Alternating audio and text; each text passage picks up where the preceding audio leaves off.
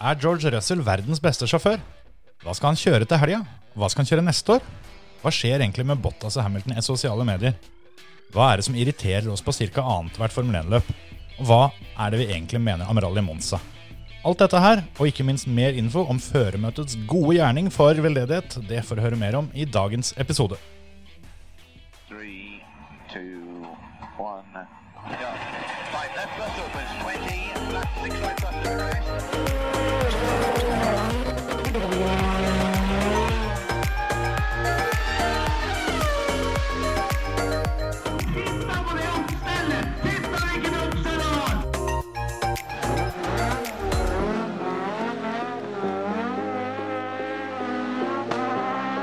It's lights out and away we go! Da er det føremøte igjen. Adventsføremøte. Skal vi ta oppropet, da, kanskje? Emil, er du her? Hola. Og Terje. Hei, hei. Jeg heter Kjetil. Morgen, morgen, alle sammen. Hei, hei. Hei, hei. Dette Nå kom vi oss jaggu gjennom denne oppropet for første gang på lenge. Ja, det er en stund siden den har, eh, har sittet. Vi har i hvert fall om ikke annet fått bevist de siste ukene at vi, eh, vi driver ikke med flere takes. Nei, nei, nei. Her, her går det på ett. Det, det blir eh, Vi har bare én, én kassett, og der trykker vi rekord. Og den eh, kan vi ikke spille over. Så sånn er det. Sånn er det. Men ja da, eh, vi har vel litt av hvert å prate om i dag også. Oh yes. Det har vi. Det har, eh, vi har jo egentlig hatt mye artig jobb å, å prate om stort sett hver gang, vi. Men eh, denne gangen så mm, Det er vel bare å stupe rett i det. For eh, det Formel 1-løpet vi hadde eh, i helga, det, det var morsomt. Og der tror jeg, i hvert fall for min del, da, så er det lenge siden jeg har gleda meg så mye til et Formel 1-løp som, som denne gangen. Sjøl om det var jo ikke noe sånn Det er jo hvem som vinner og alt det der sånn, men Jeg gikk eh, hele uka i forveien og sa til, til samboeren at, eh, at eh, dette skal jeg følge med på Mm. hele helga. det blei litt sånn. Og så var det når da bilene fikk lagt inn både tredje og fjerde gir, da var da jeg virkelig bestemte meg for nå skal jeg i hvert fall se det. Ja, for det, men altså, du skjønte jo det allerede på lørdag nå, eller etter første, første fredagstreninga, så skjønte du det at det, dette her blir så kult som det du håpa det skulle bli. Nei, egentlig ikke. Men det Han, var han var jo litt imot det der, for at han, han var jo redd for at eh, folk skulle se at eh, bilen var så bra. Ja, ja, jo, Men, ja. men akkurat der så tror jeg folk misforsto meg litt. grann. Det, for bilen er jo fryktelig, fryktelig bra, Ja. for all del. Det, og bilen, nesten uansett sjåfør, blir én og to. Men det er liksom det Hadde de satt inn eh, Lawrence Stroll da, inn der, så hadde han ikke blitt nummer to. Du må jo ha fortsatt en, en bra fører her òg. ja, ja, ja, ja Men det- absolutt. Har jo sett på Facebook og Twitter og alt mulig at eh, der er det mye tolkninger på, på hvordan de mener at den bilen her fungerer. Ja, for det, altså, vi, vi var jo litt inne på det forrige uke, men, men den derre Nå får vi endelig det store svaret på denne her debatten Ja. her, og, og det ville vi jo aldri få på en måte uansett. For det, det er jo Jeg vet ikke På de tre treningspassa så fikk vi vel en 130 runder eller noe sånt nå. Mhm. Og Det, er, det kan ikke sammenlignes da med verken Hamilton eller Bottas som, som har noen tusen, da. Og da Jeg, jeg tror bare ikke folk skjønner hvor god Russell er, Ja, og det, det er og da blir det feil. Mm. Det er akkurat det at eh, hvis George Russell hadde, hadde blitt nummer fem på kvall og fire i løpet, så tror, Mm. jeg, tror jeg folk fortsatt hadde ment det at ja, ja, da, da var den bilen så god, da. Ja. Og, altså, de hadde ikke fått noe svar uansett, og hovedsakelig fordi at eh, den der debatten der er jo stort sett full av folk som allerede ha- har bestemt seg. Det spiller Nei. ingen rolle hva som skjer, for det, Nei, nei, nei. enten så hater de Hamilton, eller så hater de Mercedes. Det, er- det er liksom ett av to. Og så må du huske på det at Russell har jo rekorden med flest poeng i eh, Formel 2, eller GP2 da, som det het den gang. Jep. Og var overlegen der. Han knuste eh, Norris, han knuste eh, Leclerc, Mm. knuste alle de gutta der sånn. Han knuste, nei, Verstappen kjørte han kanskje ikke mot der. Nei. Verstappen var ikke innom Han der. var ikke der. da. Men i alle fall, eh, han var helt overlegen der da. Mm. Og, Og det var vel også rookiesesongen hans i Formel 2. Ja, rett opp, rett videre. Det, har- det har aldri vært noen som har samla så mye poeng og vunnet med så stor margin, eller, eller noe sånt noe. Og det, og det var rookiesesongen hans. Og så er det det at han har jo da blitt liggende da i eh, den dårligste bilen i feltet, Mm. fra han kom inn i Formel 1. Mm. Og Det er ikke sånn, han blir jo ikke noe dårligere sjåfør av å kjøre en dårlig bil. Nei da, det, men det, jeg kan jo dra den sammenligninga sånn sett. da. Det, det er jo ikke noe fasit det heller, men med tanke på, mm, eh, med tanke på Landon Norris, åssen han har kjørt, og der har jo de fleste konkludert med at eh, han er flink til å kjøre bil. Og da er det jo som du sier, han eh, var ikke i nærheten av George Russell når de eh, kjørte mot hverandre i Formel 2. Så hvis de hadde bytta kontrakter den gangen de begynte med Formel 1, så ja, hvem veit. Jeg tror fortsatt det at selv om Ru- Russell har vært i Williams, det er en dårlig bil, så tror jeg han fortsatt har, Utvikla seg. han har gjort det beste valget sånn, hvis du ser i løpet av en tiårsperiode, Ja. Mm. i forhold til Norris for eksempel. Da. Så om ti år så er Russell verdensmester. Minst én gang. Mm, ja, det vil jeg tro. Han har i hvert fall eh, Jeg vil si det avhenger av bil. For, Mm. for det er jo det at Russell signerte jo ikke for Williams, han signerte for Mercedes, som putta han i en Williams. mm, Han er jo fortsatt eid av Mercedes. Det er der, der forskjellen er. Det er ikke sånn um, Han jobba for Mercedes. ja, det Ja. er det han gjør. Han blir jo bare leid ut til Williams. Og det er litt sånn som Sånn som faren min har snakka om i alle år, da. Denne talentbanken. Mhm. Og her gir den jo litt mening. Altså, han har sittet i den altså, tidenes dårligste Formel 1-bil, sikkert. Antageligvis. En av tidenes, i hvert fall. Og, og sitter og banka runde på runder og studert data og for å liksom bli et tiendedel bedre, eller et halvt tiendedel bedre, hver gang Sherman ligger dønn sist. Ja. Og så har han jobba, og plutselig, når han da får utstyr som, som tillater en seier, Mm. så er han der med en gang. Ja, og det Vi går jo som vanlig ut ifra at folk stort sett har fått med seg av, eh, hva som faktisk skjedde, da. Men eh, det at Én ting var jo den der eh, sinnssyke starten. Ja. Det, var, det var rått. Og i hvert Tenk deg fall, eh, første starten i en Mercedes. ja, Han hadde sikkert kanskje dratt et par på treninga, liksom, men det, hva er det, da? Og han er vel også, ettersom jeg har skjønt, kjent for å ikke være så jævla bra til å starte. Ja, Det var i hvert fall en latterlig god start, for det en som er god til å starte, er Walter Bottas. Og, og så er det også det, hvis du husker tilbake da forrige helg, når vi kjørte på samme banen, Mm. da Bottas starta der hvor Russell starta nå, Ja. på den møkkete sida, Mm. hvor ræva starten hans var da, Mm. mens Russell tar starten fra den møkkete sida. Mm. Det er eh, For de var likt da på sikkert første, andre, tredje gir, men så får jo Russell bare feste, og så reiser han jo bare. Ja, altså, det er ikke snakk om å gi seg noe der heller. Nei, nei, Han nei. eh, Der eh, Han var den kuklengden han skulle foran, og da, da var det greit. Men det som, det, det som er sjukest, er at mange tror sikkert det er bare å sette seg opp i en Formel 1-bil og kjøre. Men Det- Russell det, han kom jo da inn etter løpet med blodige knoker og knær og alt sammen. Han måtte kjøre løpet med en skostørrelse mindre for å få plass. Mm. Jeg så også det Toto Wolff eh, fortalte det, at han eh, oppnådde aldri aldri, mm, aldri maks bremseeffekt. Nei. På grunn av at det, det var ikke plass til beinet hans i den vinkelen som han måtte ha. Så han, eh, han mangla liksom 20 der òg. Det, det, er- det, er- da begynner det å bli sjukt, altså. Og det at fingeren hans passa for dårlig på den der clutch-henderen, og Mm. som igjen da, da, da gjorde starten hans vanskeligere og sånn. Det, det er så drøyt mye av det der. sånn. Ja, Eh, Og så var det mye av knappene han ikke visste hvor var hen. Han trykte på mye for feil knapper når han får beskjed om å gå til den og den moden. Da. Så visste jo Ja. ikke han hvilken knapp det var, så han vrei bare på et eller annet han, og Ja. kjørte. Det beste var egentlig når han kom ut av depot etter eh, ene pitstoppet og bare Det er ikke noe power. Jeg mangler power. Ja. Og bare, du, må, du må skru tilbake bryteren igjen. Det er sånn «Ja, Nå har vi depot-mode på enda. Nå må vi, nå må vi skru på guffa. Ja, for det, det husker jeg blei kommentert det at han kom ut der og klaga på at han ikke hadde power, men så var det plutselig lilla midtsektor Ja, for at, da altså, han, da han finner bryteren. den, den radiomeldinga vi hører, er jo selvfølgelig tatt opp og blir spilt seinere, men det er jo idet han går ut og Ja. klemmer den i bånn, så er det, får han jo liksom sagt ifra at det her er ikke power, Han finner ut det før det har gått de 17-18 sekundene bort til som vi ser på sektorskillet. TV. Ja, ja. For de må jo skille ut når de sier eh, 'fuck you' og hele den greiene der. Det er vel mye, det, mye som blir sagt der som ikke nødvendigvis er så bra. Ja, Hvis du faktisk hører på de behind the scenes, hvor, man, hvor mange meldinger de faktisk snakker til hverandre, eller sier til hverandre i løpet av løpet, så får du sjokk. Og det kommer jo fra alle, så de peller jo bare ut og recorder litt. og... Det er derfor også noen meldinger kommer bare som tekst. Mm. Ja. At de, det her er ikke noe vits i å spille av lyden. Det er, vi kan bare skrive hva han har sagt. Og Derfor også er, det- er det såpass viktig å faktisk høre etter når det kommer en sånn team, teamradio, for det, det er på en måte den som er plukka ut av kanskje 50 meldinger, da. Ja. Så, så har hun funnet igjen. Da mm, er det greit å holde kjeft eh, sånn at den får med seg.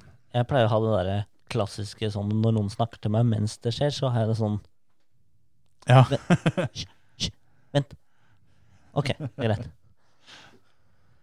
Det, mm, det burde noen eh, kommentatorer hatt òg.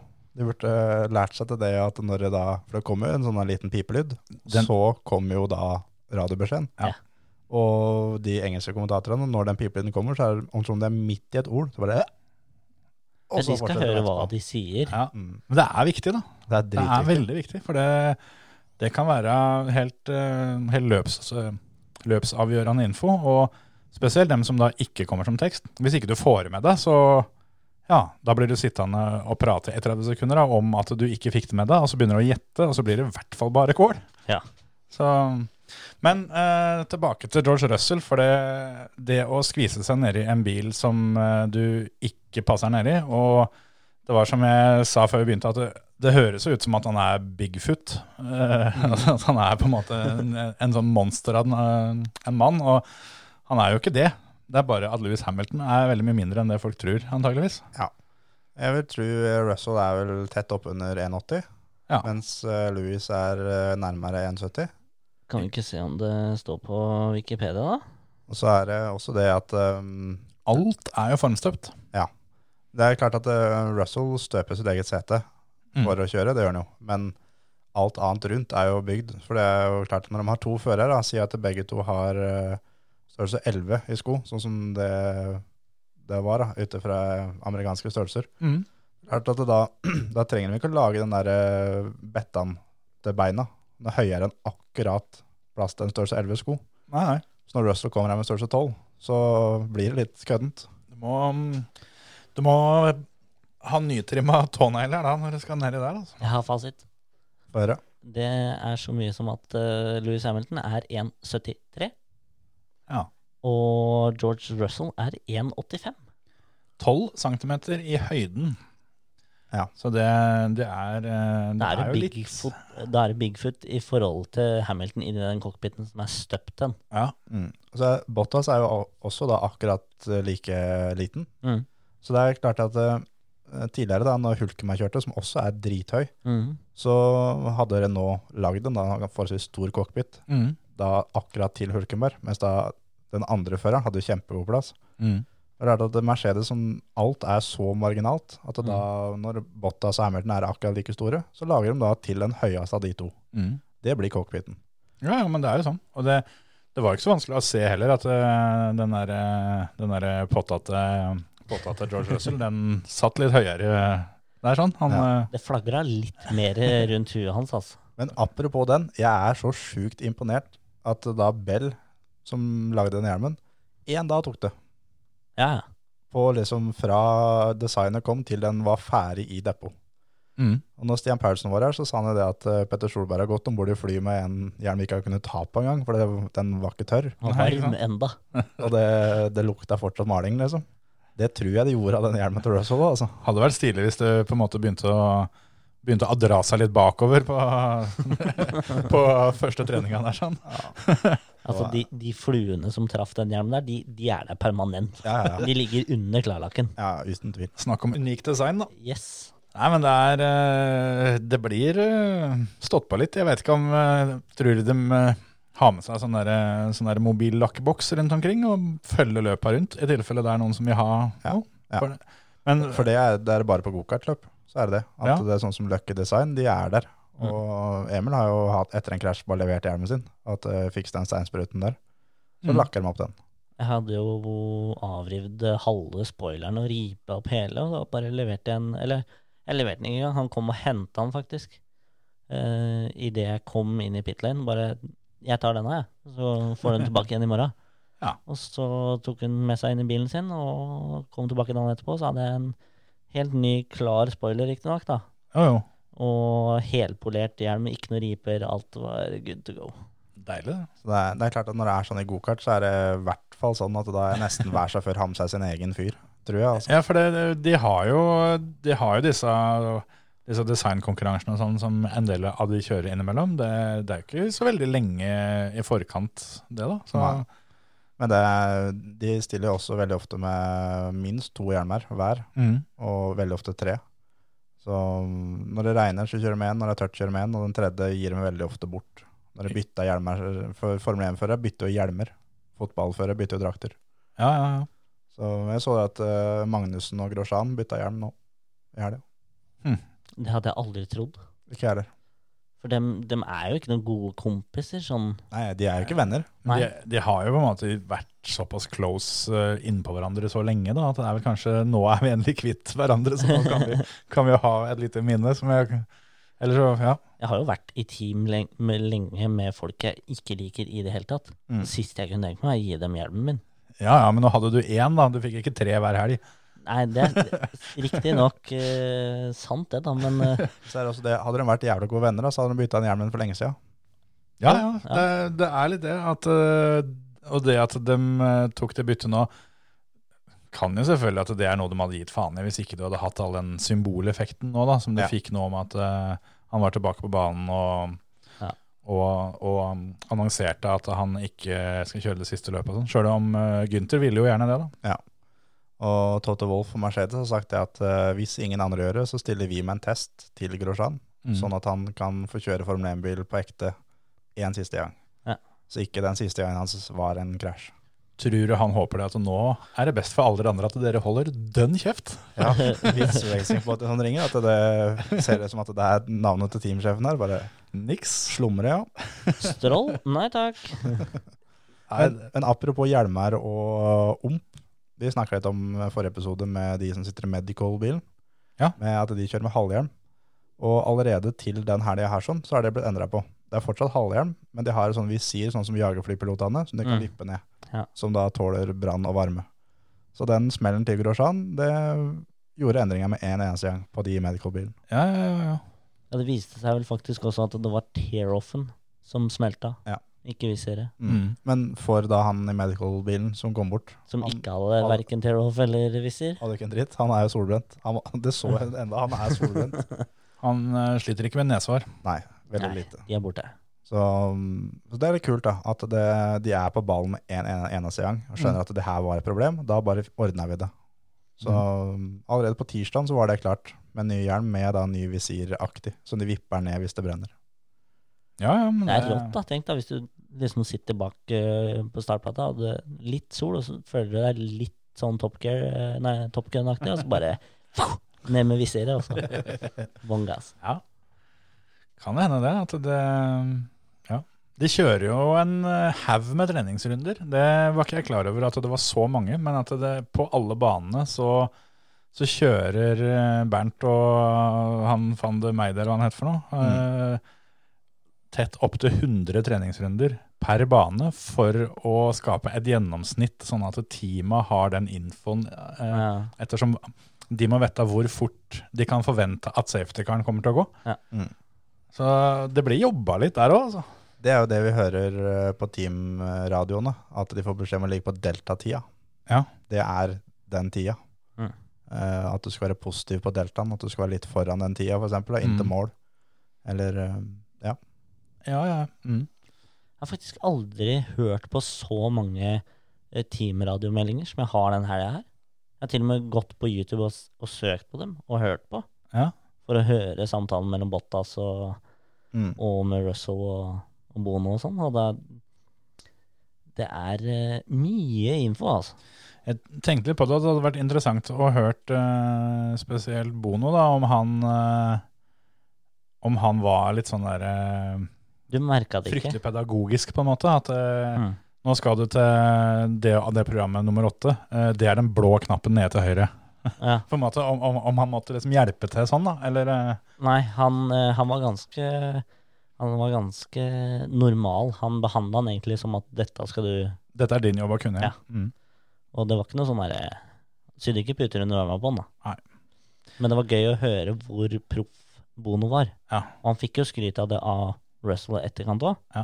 At eh, han var gull verdt. Og det var, du hører at eh, han har en sånn skikkelig ro da, Mm. når han forteller alt sammen. Og, og liksom OK, greit, nå, nå har vi driti oss ut. Men han kommer ikke på radioen og sier ah, sorry, sorry, sorry, liksom. Det er Nei, bare, det er- nei, nå ja. fokuserer vi. Dette skjedde, ferdig med det. Vi kan, eh, vi, vi kan ta det etterpå. Du er P5, fortsatt mulighet til å vinne, kjør på. Ja. Hun ned. Det sjuke er jo det at eh, starten går, han tar starten, og alt eh, ser bra ut. Mm. Og så når de da havner ned i driten igjen da, på grunn av det her pitstop-opplegget, så kjører han seg opp igjen, og det er ikke sikkert at det hadde gått, men det hadde ikke vært mye, så det kan hende han hadde klart å vinne allikevel. Jeg hadde nok det. Ut ifra tiende så hadde han tatt ned en, var det fem runder før mål.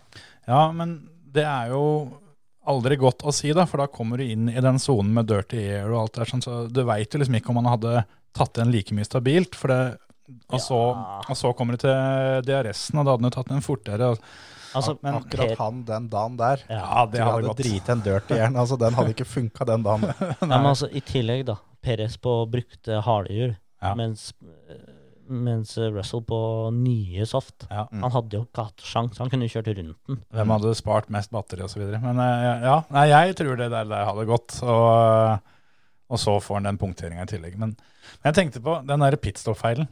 Mm. Jeg kommer ikke på en større feil et team har gjort ever noen gang omtrent. Da. I hvert fall ikke nå på mange, mange år. Altså, Nei, det er, teamet har 1-2. Altså, de har førsteplass, andreplass, mer eller mindre i banken. Mm. Og så gjør de en feil som gjør at de får ingen av delene. og 20 000 euro i bot. Yes. Ja. Altså, Den fakturaen der ble signert med et smilefjes bak, altså, for akkurat det tror jeg de eh, tok, eh, tok helt greit. Ja, den eh, Altså, Russell endte jo opp med hjula til Valtry. Framhjula. Ja. Det, det er det som er at de trodde at det var tydeligvis eh, At det var Walter som kom inn først. Eller de som hadde ansvar for framhjula, trodde det. Mm. Det var de, de som hadde ansvar for bakhjula, trodde ikke det. det som visstnok hadde skjedd etter det, etter det jeg fikk med meg, da, var at eh, det var en, eh, en beskjed til George Russell sitt pit crew som ikke hadde kommet fram. Mm. Antageligvis fordi at George Russell hadde gitt en, eh, en, eh, en radiobeskjed inn samtidig, Mm. sånn at den hadde på en måte overstyrt. Det var, var det at de fikk beskjed at det var safety car, så spør George Russell skal jeg inn, skal jeg ikke inn. Og så får han bare beskjed boks, boks. Og da er han akkurat på linja. Ja. Og så var det at eh, grunnen til at det da, for de tar inn Bottas rett bak Mm. og setter på hjul, og tar av hjulet igjen. Det er for at de ser da at det fremmede de setter på der, det er jo Russell sine. Ja, for at det, De satt jo på ett medium. Det Venstre så- foran. Mm. det Da- så jo ut som at eh, han som satt på venstre foran, at, han, eh, at den der pistolen hans ikke funka eller noe sånt. nå, Så jeg veit ikke om det, er, om det er forskjell på det. At det, det ikke passa på bilen eller noe sånt. For det, Jo da. du så han prøvde flere ganger, og det Nei, men han så jo at det var feil. Han så jo at det var et mediumhjul. Og så ser han da rundt, så ser han jo hvit strek, hvit strek, hvit strek. Og så står det det på dekksidene. Så står det VB for Walter Bottas og Mm. GR for George Russell. Det er, det er sånn han ser det første gangen. Setter på hjulet og egentlig har trykt klar på pistolen. Ja, Så ser han jo det at eh, på bilen til George så står det VB på venstre femhjul. Og da vinka jo han. ja. At det ja for her det er sånn. noe som er gærent. Jeg vil jo tro de egentlig skulle, skulle på medium alle sammen. For det, de hadde jo Ja, jo, men så Ja, du- endte det jo opp med den klussen at det, Ja, de så satt Walter måtte sette på hardhjula, de gamle hjula som han, som han kom inn med. Ja, og da hadde jo ikke han på venstre foran fått det hardhjulet tilbake igjen, så han Nei. satt jo på mediumen. Ja. Så måtte han da skru av det, og så begynner det å brenne i bremsene, og så er det bare, bare, bare smekk noe på, og kom deg ut. Helt sykt det der, altså. For det var det som er at vi så det veldig tydelig i stoppet til Bottas. Var det mye vinking og fram og tilbake. Og sånn. Mm. For da hadde noen skjønt at den- dette her ble ikke helt som det skulle. Men, men det som er, hvis, eh, hvis en ser på stoppet til Russell Ja. litt nøye, er akkurat idet bilen detter ned Han på venstre fremmel, han skjønner det da. Han begynner å vinke da allerede. Ja. Han som står ved siden av han, han vinker bilen videre. Bare kjør. Ja, og Der er det han, han med lollipopen da, som ikke fulgte med, antageligvis, som da trykte grønt og har sluppet bilen. Hadde ikke han gjort det, så hadde de tapt tre-fire sekunder til, Mm. og så hadde det vært greit. Men det, er, det var mye styr der. og Han ene som kommer med venstre bakhjul, holdt på å bli kjørt ned av Bottas, for han var for seint ute. og det var liksom... Ja, Ikke, ikke nok med det, men han tar jo, de tar jo av eh, bakhjulet til Russell. Så slenger han jo bare det fra seg, på en måte. Så begynner det å rulle. Ja. Så den løperen da henter det, og så kommer jo Bottas. Og da har han, han andre allerede tatt av det hjulet, så da gir han det hjulet videre til han som skrur på hjula på Bottas sin. Ja, bare kuking. Nei, det der, det der så ut som det var eh, ok, Nå er vi verdensmestere, vi har ingenting eh, ting å tape. Nå er det gutta på kontoret som får lov å være pit crew til helga. Ja, Det, er, det er første gangen Mercedes har driti seg De har driti seg ut før, for all del. Ja, Men ja. at de har driti seg så loddrett Ja. ut. Det, jeg tenkte på det, det, det har jo garantert skjedd eh, gigantiske feil før, men, men, men det å gi bort første- andreplass Mm. og bare være helt ute av det sånn, det, det Altså, jeg, jeg, hadde det vært Hamilton og Bottas, så tror jeg det hadde vært litt annerledes. Jeg tror de hadde tatt det litt lettere, men det at de, de ødela hele seieren til Russell, mm. det tror jeg bare veide så mye at de bare var helt knust, hele gjengen. Mm.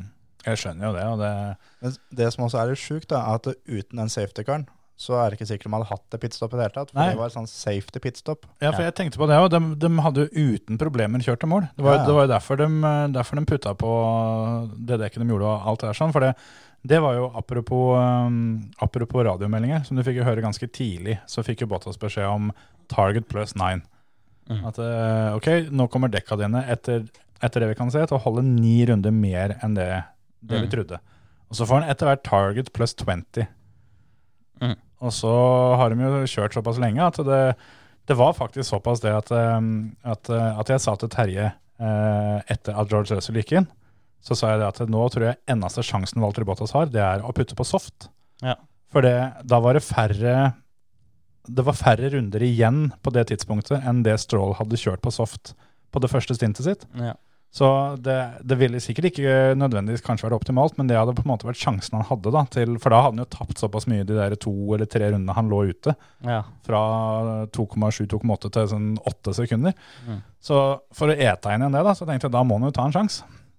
Ja, og det er jo Mercedes har jo vært flinke på det. Mm. Og Men- derfor så tenkte jeg jo det at eh, når begge putta på hard, ja, ja, da, da skal guttene til mål. Her er det ikke noe mer pitstop, så jeg ble nesten litt sånn overraska over at de gjorde det. Men eh, det er jo for å være på, si- på den sikre sida, da.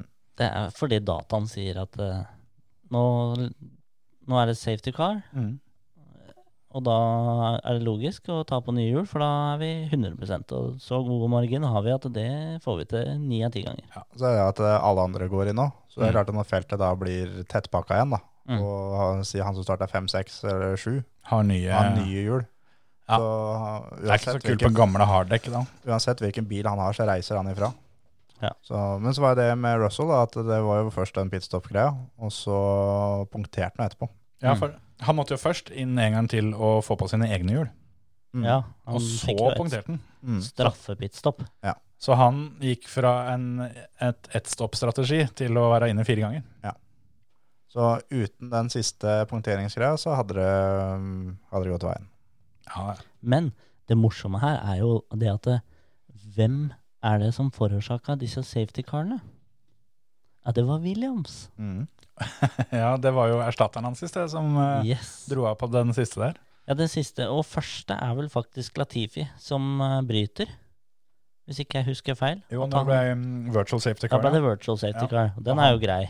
Han kom seg inn bak, bak sperringa, så de eh, Så den første begynte jo denne bøtteballetten her. Ja. Og så drar jo Jack Aitken i jævla autovernet og vrenger av og legger karbonbiter overalt. Som kuka det til for pitstoppet Og punkteringa. og punkteringa.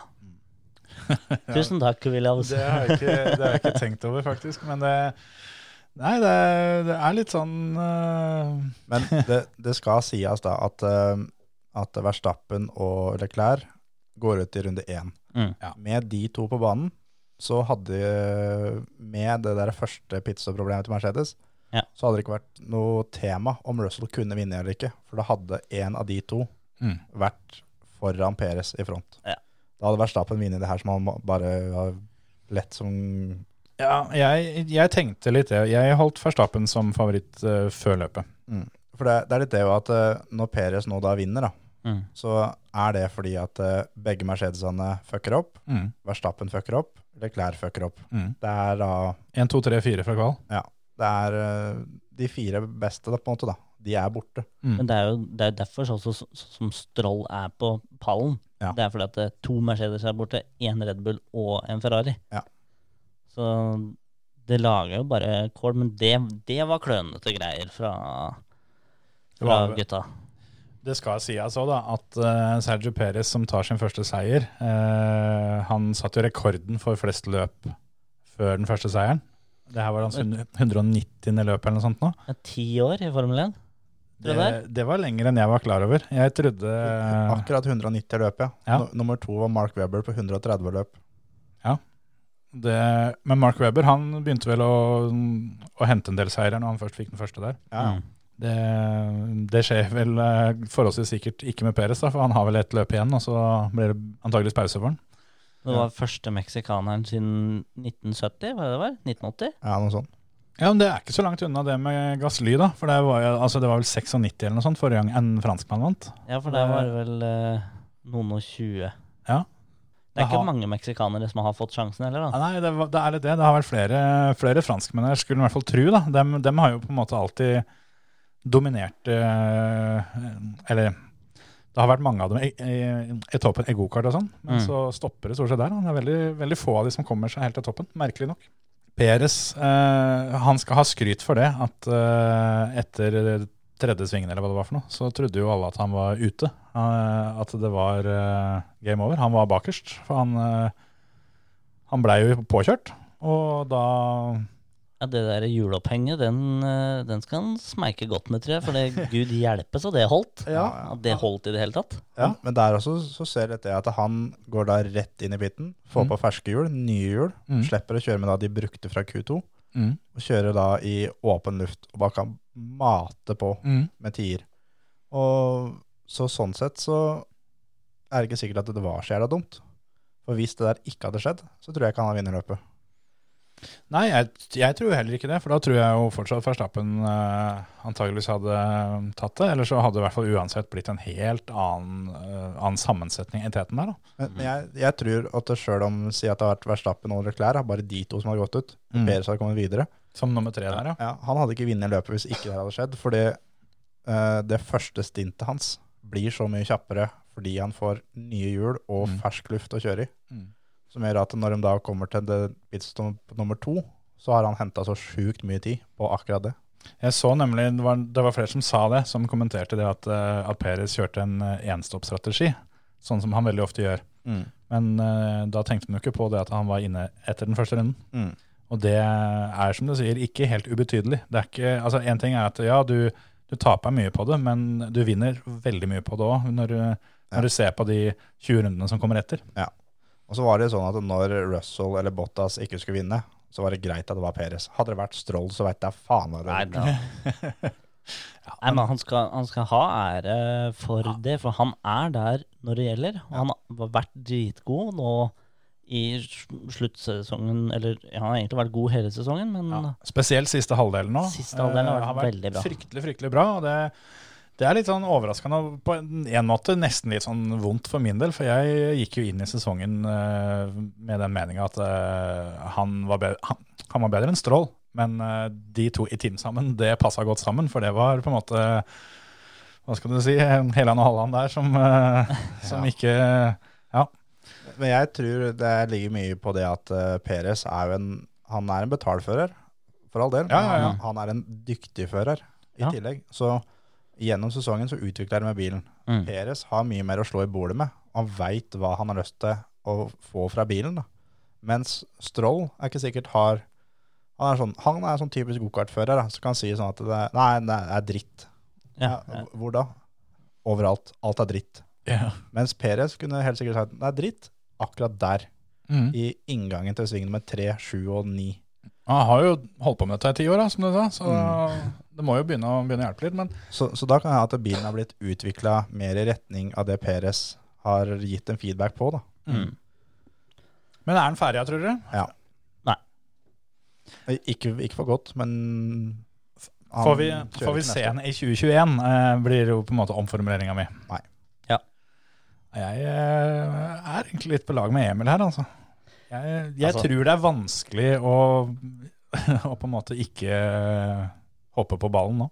Hvordan kan du ikke plukke opp en som har så mange hundre millioner å komme av med? Og Red Bull trenger ikke penger. Ja, jeg hører du sier det, men de er fryktelig glad i penger.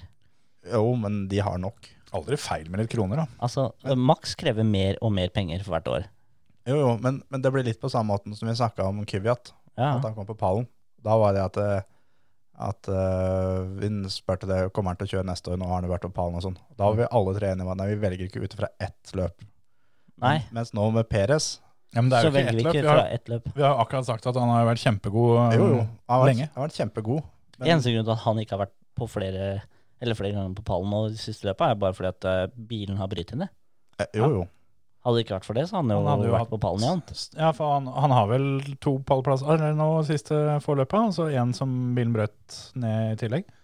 Har han ikke to? Hvor han, ja, han hadde vel kanskje blitt fire, da. Men allikevel, da. Han Ja, er jo- eh, han er jo en han har poengsanker. stabilisert seg litt, eh, mer eller mindre stabilisert seg litt topp fem der. da. Og Det, Han er en poengsanker. Mm. Hva trenger Red Bull? Det ene de trenger, Ja. det er en som sanker poeng, mens Max tar seieren. og det er det én ting som penger ikke kan kjøpe, tydeligvis, så er det jo det. Ja. Og når de i tillegg kanskje kan få betalt for det, så Ja, så Red Bull ser jo det at ok, nå tar Racing Point oss på en måte igjen i sammendrag her. ja. Da kanskje vi skal begynne å skyve ut de som ikke lager poeng til teamet, og hente inn noen som jevnt og trutt henter poeng. Men så er det også det, jeg tror Albon Han hadde vært sparka for lenge siden, hadde det ikke vært på grunn av at han er fra Thailand.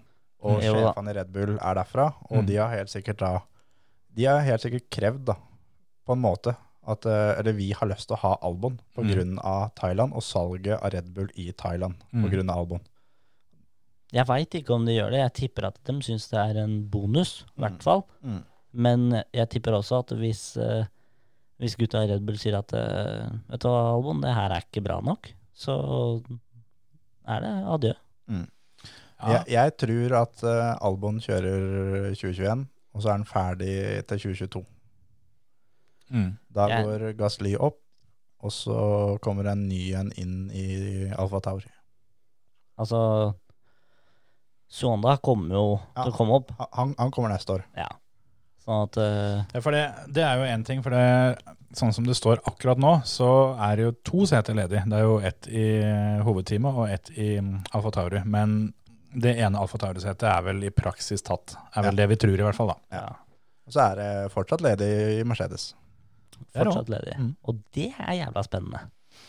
Det er Det- mer spennende enn altså- eh, Red Bull. Der. Ja, Red Bull driter jeg i grunnen litt grann i. Ja, de får, ba- fordi det er, Hver gang vi gjetter noe der, så gjør de bare noe helt annet. Ja, og der, eh, der er eh, Ja. Det ene setet som er opptatt der, da, er på en måte hele det teamet. Det, det, det andre setet er litt der pga. at de er nødt til å ha to. Ja, det, det er på grunn av det, det som står med liten skrift, at dere må ha to sjåfører. Ja, det er litt det at dere Ja, det virker litt sånn til tider, så det blir spennende. Men de, de har jo sagt at eh, Altså, det har jo vært så, det har vært så masse beskjed, men de har jo sagt at eh, i utgangspunktet så har de ingen planer om å bytte ut Albon, men at det er Albons, Albons sete å tape, var vel det de sa. Mm. Så har han vel da fått seg en pallplass til, da, og litt sånne ting, men han har jo jevnt og trutt blitt slått av Peres, da, som er den eh, som har blitt, blitt annonsert som som konkurrenten til setet. da. Og så har jo Hulkenberg vært inne, inne i miksen, men det, det er ikke Han er sikkert det har vært egentlig så veldig, veldig seriøst. Det er Nei. bare, den kommer bare, bare pga. det som har skjedd med han denne, denne sesongen. Men så er det det, det løpet som var nå. og det- Vi tror ikke vi skal lese så inn i helsike mye ut av det, for det er en rimelig spesiell bane sånn sett. Jo, og, Ja. og Red Bull har alltid slitt med toppfart. Men så på- er det på- igjen på det, da. sånne baner, men så var det jo eh, med Albon, så når han lå bak Bottas og åpna DRS-en, så går han ut på sida, da reiser Bottas ifra, så går han inn igjen baken, inn dragsuget på nytt, Den er for å så klare å kjøre forbi. Det Det, er jo noe som er klin hakke gærent med den bilen. ja, Red Bull, tenker du på? Er, er det den som Albon satt i nå i helga? for- Eller, altså, for- for men det han- kommer jo han- an på hvordan de setter den opp. da. Ja. Den er jo garantert satt opp for mer downforce enn det den Mercedesen var. Ja, ja. ja. Og det har vært kjennetegnet til Red Bull alltid, at de har mye downforce. Mm. Mm. Uansett alle biler de har hatt, så er det downforcen de har vunnet på. Og da er den banen i helga nå, det er en vond bane for dem. Ja, det er Ja, ikke men så- altså, s- Mercedesen vil jo ha DAS-fordelen der. Mm. Med å bare trekke til seg rattet, Mm. så vil det jo gå fortere rett fram. Mm. Sånn at, eh, og da i tillegg kunne ha ett knepp mer på vinga, da, for å si det sånn. da. Mm. Og kunne ha større toppfart. Så har de jo ikke sjanse i den hånda. Nei, nei, nei. Men det er en annen ting også som er til Perez sin fordel. Det er jo det som eh, vi var inne på etter at Pierre Gasly vant, at eh, det er en rimelig eksklusiv klubb, det, det å, ha- å, å ha vunnet Formel 1-løp. Ja. Det, det er eh, sjeldne råvarer, og det er vel ikke jæklig mange av dem eh, som har seirer på CV-en som eh, ikke har blitt gamle, da. Som har stått eh, uten bil. Det, det er sjelden vi har sett, altså. Som, Mm. som ikke frivillig har på en måte sagt at nå er det bra. Perez sa jo også det nå i helga, at eh, hvis jeg ikke er her til neste år som det er, På måten han sa det, så var det at det er ikke veldig sannsynlig. Nei. Men jeg er tilbake igjen i 2022. Ja, han har i hvert fall flere tilbud, har han sagt. Ja. Ja. Han har flere tilbud. Ja, og det, det tyder også veldig mye på at eh, han ikke kjører Red Bull neste år, Mhm. men han kommer inn et eller annet sted. eh, Renault, for eksempel. Mm. Altså, det, er jo, det er jo mest sannsynlig at han ikke kjører i 2021. Mm. Men jeg har en liten magefølelse på at eh, ett av teama vil si det at vet du hva, han her har vunnet løpet i år. Mm. Han er jevn. Det er alltid poeng. Vi trenger han i år. Mm. Han får en ettårskontrakt der, for eksempel. Og så får den andre finne på noe annet så lenge. Ja, for det, det må vi jo for så vidt prate litt om akkurat det der med kontrakter. For det, det har jo vist seg før òg, og vi lurer jo på om det kan vise seg igjen. At eh, en kontrakt er jo fortsatt bare et papirark. Og- Alt kan kjøpes. Alt kan kjøpes, og det var jo veldig mange som eh, altså Det var jo litt derfor vi også i forrige ukes episode ble hørende kjempelure ut når vi sa at eh, det, det kan hende de henta George Russell. Ja. Vi syntes det hadde vært fryktelig moro, men vi trodde ikke det kom til å skje. Nei. Og så, og så skjedde jo det, da. Mm. Men igjen, da, som vi var inne på tidligere i denne, denne episoden, han, eh, han jobba for Mercedes. Og, det, og hadde det ikke vært for det, så vil jeg vel tro det hadde vært forholdsvis uaktuelt at eh, Altså, de kunne ikke De hadde ikke bare henta han fordi at eh, Nei. han sitter i en dårlig bil. De kunne ikke henta Kimi for dette ene løpet, liksom. Nei. Det som var litt kult, er at eh, Russell satt og dreit da når Toto ringte til ham. Klokka, klokka to på natta. Ja. Jeg tenkte på det. Men eh, det her toppidrettsopplegget eh, som, eh, som disse gutta følger Hva gjorde George Russell, og for så vidt Toto Wolff, som jeg ser på som en forholdsvis seriøs type, oppe klokka to på natta? Nei, Russell dreit jo, da. Ja, men altså, han er en Han satt på eh, tronen, for faen. Ja, jeg skjønner jo det, da. Men altså, sjøl om jeg begynner å bli godt voksen, så er jeg fortsatt ikke oppe og driter om natta. Nei, det hender jo at du vet du hva, nå er det like før den snickersen ligger i senga. Ja, nå men- er det bare å gå og drite. Ja, men det er jo Du våkner ikke av det Og Å, tre jo, timer jo, Etter, jo. å ha, etter å ha lagt deg, liksom. Jo, det gjør det. det har skjedd flere Ja, Da må dere lære dere å gå på øh, potta før. Ja, men Hvis ikke du har Leggetid, tid, da, hele dagen, så glemmer du det, er sliten, og så legger du deg, og så plutselig så trøkker det og er nesten Altså sånn den Hvis du er så sliten at du driter på deg fordi du har glemt å drite, Ja, men da veldig skal du ofte ikke komme og klage til meg, altså. Det er veldig ofte det skjer så mye i løpet av dagen at jeg glemmer å drite.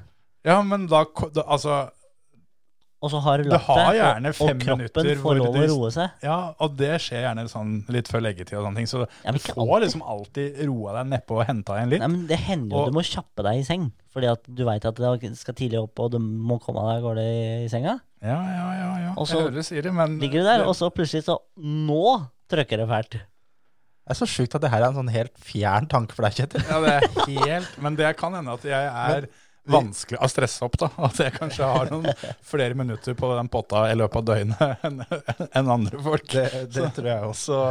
Jeg gir kroppen eh, mer enn én anledning til å si fra. Men altså, å gå klokka to på natta, det er ikke en sjel våken, og så sitte der og bare trøkke i Jo. en halvtime, 40 minutter. Enig i det, da, men, Perfekt! men det er jo fordi at du allerede Altså, det er jo fordi at du har ikke lagt deg ennå når klokka er to, ikke sant? Eller så har du ligget i senga på telefonen litt, eller whatever. Ja, da, og du så har ikke sovna ennå, da. For å, Nei, ja. ja. Og da er det greit, men Kan det hende er, det har lukka øya litt lenge, vet du. Og så bare Nei, Ja. nei jeg går og driter, jeg. Så får jeg Ja. sove med en gang. hvis du har sovna i, i, i TV-stolen, for eksempel, så For eksempel. Så ja, det er greit, det. Men det var jo det du Men begynte ikke med. kom her og si Hva er at ikke det du George våkner Russell Nei, jeg gjør av ikke en det. rennaræv. Kan hende han hadde Ja. s- den Ja, det- sprut i Ja, det kan selvfølgelig hende det at han hadde en eh, form for noe eksplosiv diaré der som eh, virkelig Da våkner du. Ja, det, det kan jeg være med på. Men han var i, var i utlandet, vet du. Det har jeg heldigvis ikke opplevd på veldig lenge. Og bank i bordet, for de som ikke hørte det. Det er fælt, fælt lite av eh, udødelige, eller av sykdommer som ikke er dødelige, som er kjipere enn skikkelig rennaræv. Her kan jeg være enig. Ordentlig bog race, da har du Da har du det ikke trivelig, altså. Altså, jeg drakk springvann i Italia i 2008 eller noe. Ja, Da kan du skylde deg sjæl. Nei, Jeg angrer den dagen i dag. Det tror jeg på. Men det var sånn klassisk sånn i, i tåka, og så bare tok et glass vann. Fordi Ja. at du hadde pussa tenna og bare Skulle bare ha et lite glass med kaldt vann. Gammel Tenkte vane. ikke noe over det. Og så dagen etterpå så sitter du faen meg med, på ramma med bøtta i handa. Kommer i begge ender. Det veldig mange ikke, ikke tenker på der, er at de er livsredde da, for å ta seg et vannglass. Men- men de skal ha isbiter i colaen. Men, Ja, jo. men det som dere, dere to ikke tenker på nå, at det er folk som hører på oss. Jo, Og, jo. og skal høre på det her Å ja, ja, ja, ja. ute på the world wide web. Faen, ble du så fisefin, da? Ja. Men herre Må, måne, gutter. må da være lov å prate om reelle problemer her i hverdagen, vel? Men, men for å ta oss tilbake til der vi var, da. George Russell, eh, av en eller annen grunn, satt Og på dere. potta klokka to på morgenen. Og Toto Wolff, av en eller annen grunn, var også oppe. Han har jo for så vidt han, ha, han var jo på jobb. Han hadde vel da en del telefoner å ta. Han satt på ramma, han Det også, kan tenker jeg. hende George Russell ikke fikk sove fordi at han var klar over at det kan hende denne telefonen kommer. Ha, og det skal sies, han hadde fått en telefon i forkant. For det, det var Williams som hadde gitt den beskjeden først, Ja. sa Toto Wolff. Så det, det kan hende at eh, han fikk beskjed klokka ti. Han, at eh, du får en eh, telefon fra Toto. Ja. Og da, du går ikke og legger deg med telefonen på lydløs da. Altså. Nei. Den telefonen tar du. Ja, ja, ja. Og Da, Hver gang. da kan det hende du blir litt nervøs i magen. Vet Det du. kan hende, Ja, vet du. ja, ja, ja. Der, ok, Da har- Mm. problem løst. Nå har vi lagt to og to sammen. Yes, det er greit. Og så er det det, i og med at du sa at Toto er så seriøs, at det kan hende han har bestemt seg at eh, i løpet av den dagen her, vi skal være ferdig med det her sånn før jeg går og legger meg i kveld. Ja, ja. Og da Bra, det. om klokka blir to, da han blir fem. Og han er ikke sånn som han venter ikke til han spiser frokost dagen etter før han ringer. Nei. Han sier ifra til Russell med en gang. Ja, for han vil jo at han skal forberede seg så lenge som mulig. Og hvis det er å kunne ligge i lykkerusen og sove med tanke på at du skal sitte i en Mercedes i morgen, på en måte. Eventuelt så kan det jo hende det hadde vært lurt å vente til morgenen. Da, at han, da får han én av til med søvn. For det, hvis du får den beskjeden klokka to Jeg tror George Russell han lå og kikka i taket noen minutter. Et par ekstra, men det er, det er gode minutter, da. ja, ja, for all del. Men eh, det blei jo drømmescenario, da. Uansett. Det kunne jo ikke blitt bedre. Jeg syns eh, det som hadde gjort den helga her bitte litt grann bedre, hadde vært eh, 27 000-deler Jeg er helt enig. på kvalen. Da hadde han fortsatt vært Mr. Saturday. Han eh, sletta jo eh, to eh, forholdsvis, forholdsvis lange rekker som vi snakka om forrige uke. Ja. Det var jo også den, eh, den lange rekka uten poeng. Den er jeg ferdig med. Det syke hadde jo vært sånn som jeg trodde skulle skje, at han skulle bli nummer 11. Ok. Og så ville hans, hans da første og eneste poeng være for kjappeste rundetid. Ja, sånn, ja. Det er- hadde i så fall ikke blitt kopiert ever, tror jeg. Nei, men takk Gud. eh, Altså, jeg så for meg etter det første pitstop-marerittet, når de sier ifra at det her er under investigation, Ja, At han skulle bli, bli diska, ja. at han kom til å vinne løpet, og så bli diska. Ja. Jeg frykta den. Det var det første jeg tenkte på når de Så Ja, sånn det. sett så var det veldig bra at de har begynt litt sånn med det nå, at ting som sjåføren ikke kan en dritt for, Mm. da er det teamet som får svi. Mm. Det er så fint, det. For hadde det der som vært for fem år siden, hadde det vært ja, 30 sekunder tillegg. Men jeg skjønner dem også, og de må kunne slå dem på sjåføren òg, fordi at eh, han må straffes for at han har kjørt med noe ulovlig. Det kan jo være at Ja. de har planlagt det her på forhånd, for eksempel, da. Men det er jo, er jo fortsatt noe han ikke kan påvirke i det hele tatt, da. Det blir jo, Jo, litt jo. det samme sånn som når, eh, når Hamilton fikk, em, fikk straff for eh, test, eh, teststartene sine. Så spurte han jo teamet først. Men det var fortsatt han som gjennomførte det. Jo, jo. Men de landa vel på det at eh, de, det var et lignende scenario som om man hadde fått putta på eh, tre medium og et hardt dekk, da, som da heller ikke, eh, ikke er lov. Mm. Sånn at, eh, og at han fikk jo i praksis eh, den straffa eh, ved at han måtte pitte en gang til. Ja, det, fikk, det er jo en straff at du må inn i løpet av tre runder. Eh, hvis ikke så får du garantert straff. Mm. Mens eh, kommer du inn, så er, du, er vi heldige. Men hadde han vunnet, tror du, tror du Racing Point hadde, Ja. hadde protestert da? Ja, Det Det kan jeg love deg. Ja. Ja, det tror jeg. Mens de som da ble ja, Hva han endte på? Åttende- niendeplass? Niende? Eh, åtte, vel? Åtte? De som var nedi der. Da, det er jo et scenario Altså, det er jo den på ellevteplassen, da, som eh, Han kunne protesterer. Han Ja, jeg vet ikke hvem det var, men eh, Sett hvis det hadde, hadde vært en Williams eller noe sånt. nå, Altså. det poenget skal vi ha. Takk. Nei, men det er jo alltid noen som da skal fjerne de foran seg, hvis de har mulighet til det. Mm. Så. Men eh, vi kan jo gå tilbake til den kontraktbiten. Ja, det var det vi egentlig skulle snakke litt om. Ja, fordi at eh, ja, han er leid av Mercedes og er leid ut til Williams. Men eh, det som sp- spekuleres i nå, og som hadde vært jævlig gøy, er jo det at eh, Hamilton har jo ikke signert kontrakt ennå. Nei, det, eh, det har jo blitt poengtert forholdsvis hyppig. Spesielt eh, den, de siste dagene, men også eh, det har jo vært et tema i høst. Ja, fordi at eh, hvis, hvis det er hans signatur som mangler på den kontrakta, Så kommer den. til da hvert. kommer den nå. Den er skrevet under allerede. den, den kom eh, i helga. Da er den skanna og sendt. Den kommer så fort han kommer ut av karantene. Så fort han kan møte Toto. Jeg tror den er skrevet Facebook. under elektronisk. jeg. Det kan hende, det òg. Altså, den er skanna. Bank i det på telefon. Jeg er nesten helt sikker på at det ikke er tilfellet uansett. At eh, han har ei kontrakt han bare kan akseptere. Jeg tror nok det er forhandlinger. Ja, og det er jo det vi håper på. Ja. Fordi da kan jo bare Mercedes si det at eh, ok, du vil ha 500 millioner i år. Mm. Eh, Du får 250. For hvis ikke, så tar vi de pengene som da vi egentlig skulle ha betalt, er de 250 millionene, Mm. og så kjøper vi ut eh, Russell fra kontrakta med Williams, Mm. og så får han 100 millioner, og så får vi 50 millioner ekstra. Mm. Og mye mer PR igjen, plutselig. Ja. For det er det den helga her nå. Tenk så mye PR Mercedes fikk. Det er akkurat det, for det, det har jo vært på en måte hovedargumentet for at eh, de eh, ikke vil kvitte seg med Hamilton, er jo at han er jo den største PR, eh, PR-magneten. da. Mm. Men jeg tror vel eh, antall eh, spaltemeter det løpet her kan nok måle seg med den helga Hamilton ble verdensmester. Det tror jeg òg. For det er dette at eh, vi må som aldri glemme det at Mercedes driver med Formel 1 for å selge Mercedes-biler. Yes. De trenger PR Ja. uansett. Og jeg tror det Jeg tror at eh, de får mye PR med Russell. Jeg Ja. tror Russell vinner ikke VM første året. For det er Ja, Han må ha mer eh, Jeg hører du sier Han må ha det. mer tid. Gi den Altså- bilen hele neste år, da. Det kan selvfølgelig skje at han vinner, men jeg tror heller ikke han eh, Altså, det er ikke, det er ikke gitt, da. Nei, det Men, er ikke. eh, Ingenting er gitt. Men- han han, han blei ble satt inn på den letteste banen i år Jo, det er så- perfekt bane for det. for, for å begynne på. Det Ja. er Men tenk deg hvis han eh, i tillegg hadde, hadde fått plass nede i bilen, da. Tenk hvor fort han kunne kjørt da. absolutt. Å få testa på vintertesten og få lov til å håper jeg, si, simulatoren deres hele tida. Mm. Og Ja, ja, for all del. Han er med og fighter om det. Jeg, jeg tror vel i hvert fall eh, Altså med tanke på hvor lite han fikk kjørt og ubehaget mens han kjørte alt det her sånn, den som eh, kommer dårligst ut av dette, er jo, er jo, er jo Bottas.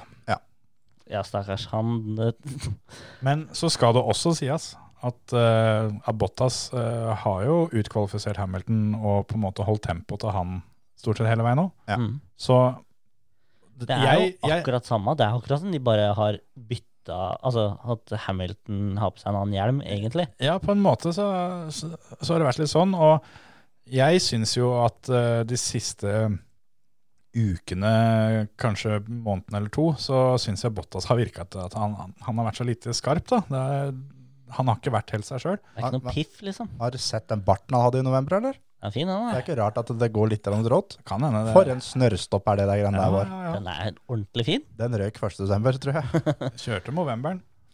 Det er, det er bra det, da, for all del. Ja, Men, eh, men eh, det, det, det er jo eneste som forandra seg, på en måte, da, for det var i november, så det begynte å gå litt rått for den. Ja. ja, for det, det var jo helt forferdelig i ehm, Tyrkia. Ja.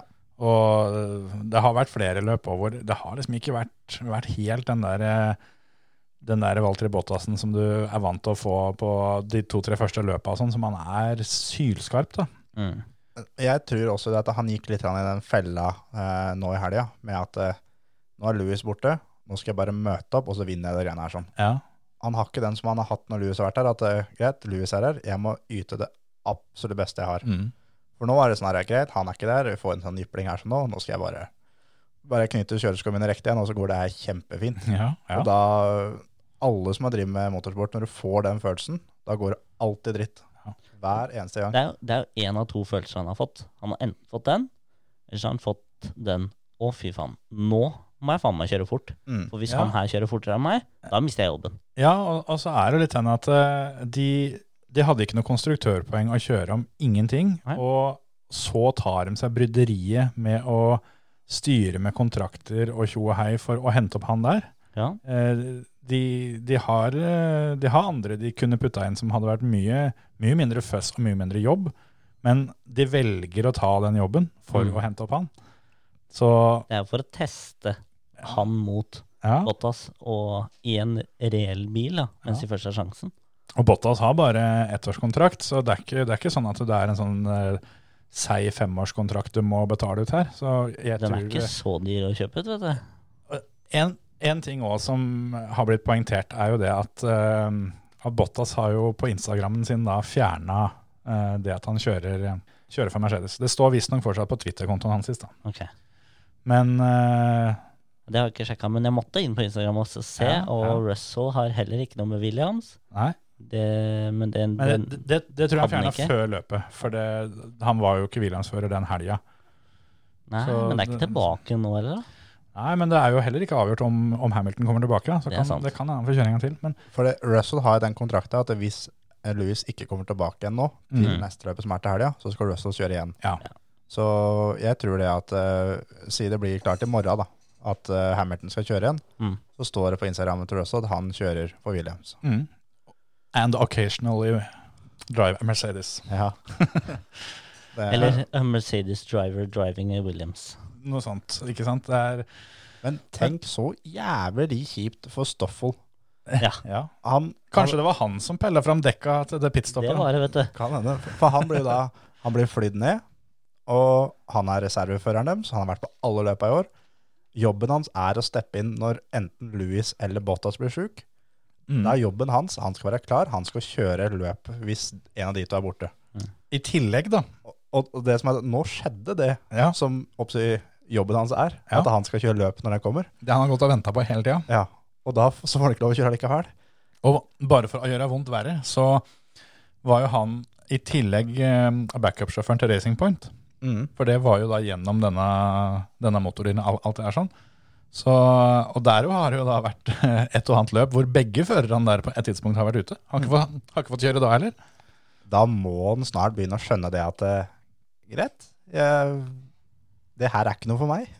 Ja, men altså, jeg tar gjerne en feit paycheck og får lov å se på Formel 1-løp når ingen andre kan. Og Ja, men Når du egentlig har lyst til å kjøre, hadde du gjort det? Jo, Bare men- reise rundt øh, Men 25 han- helger i året? han er ikke aktuell som en sjåfør lenger. Han er en reservesjåfør. Det Jo, er jo. det som er fordelen, eller forskjellen. da.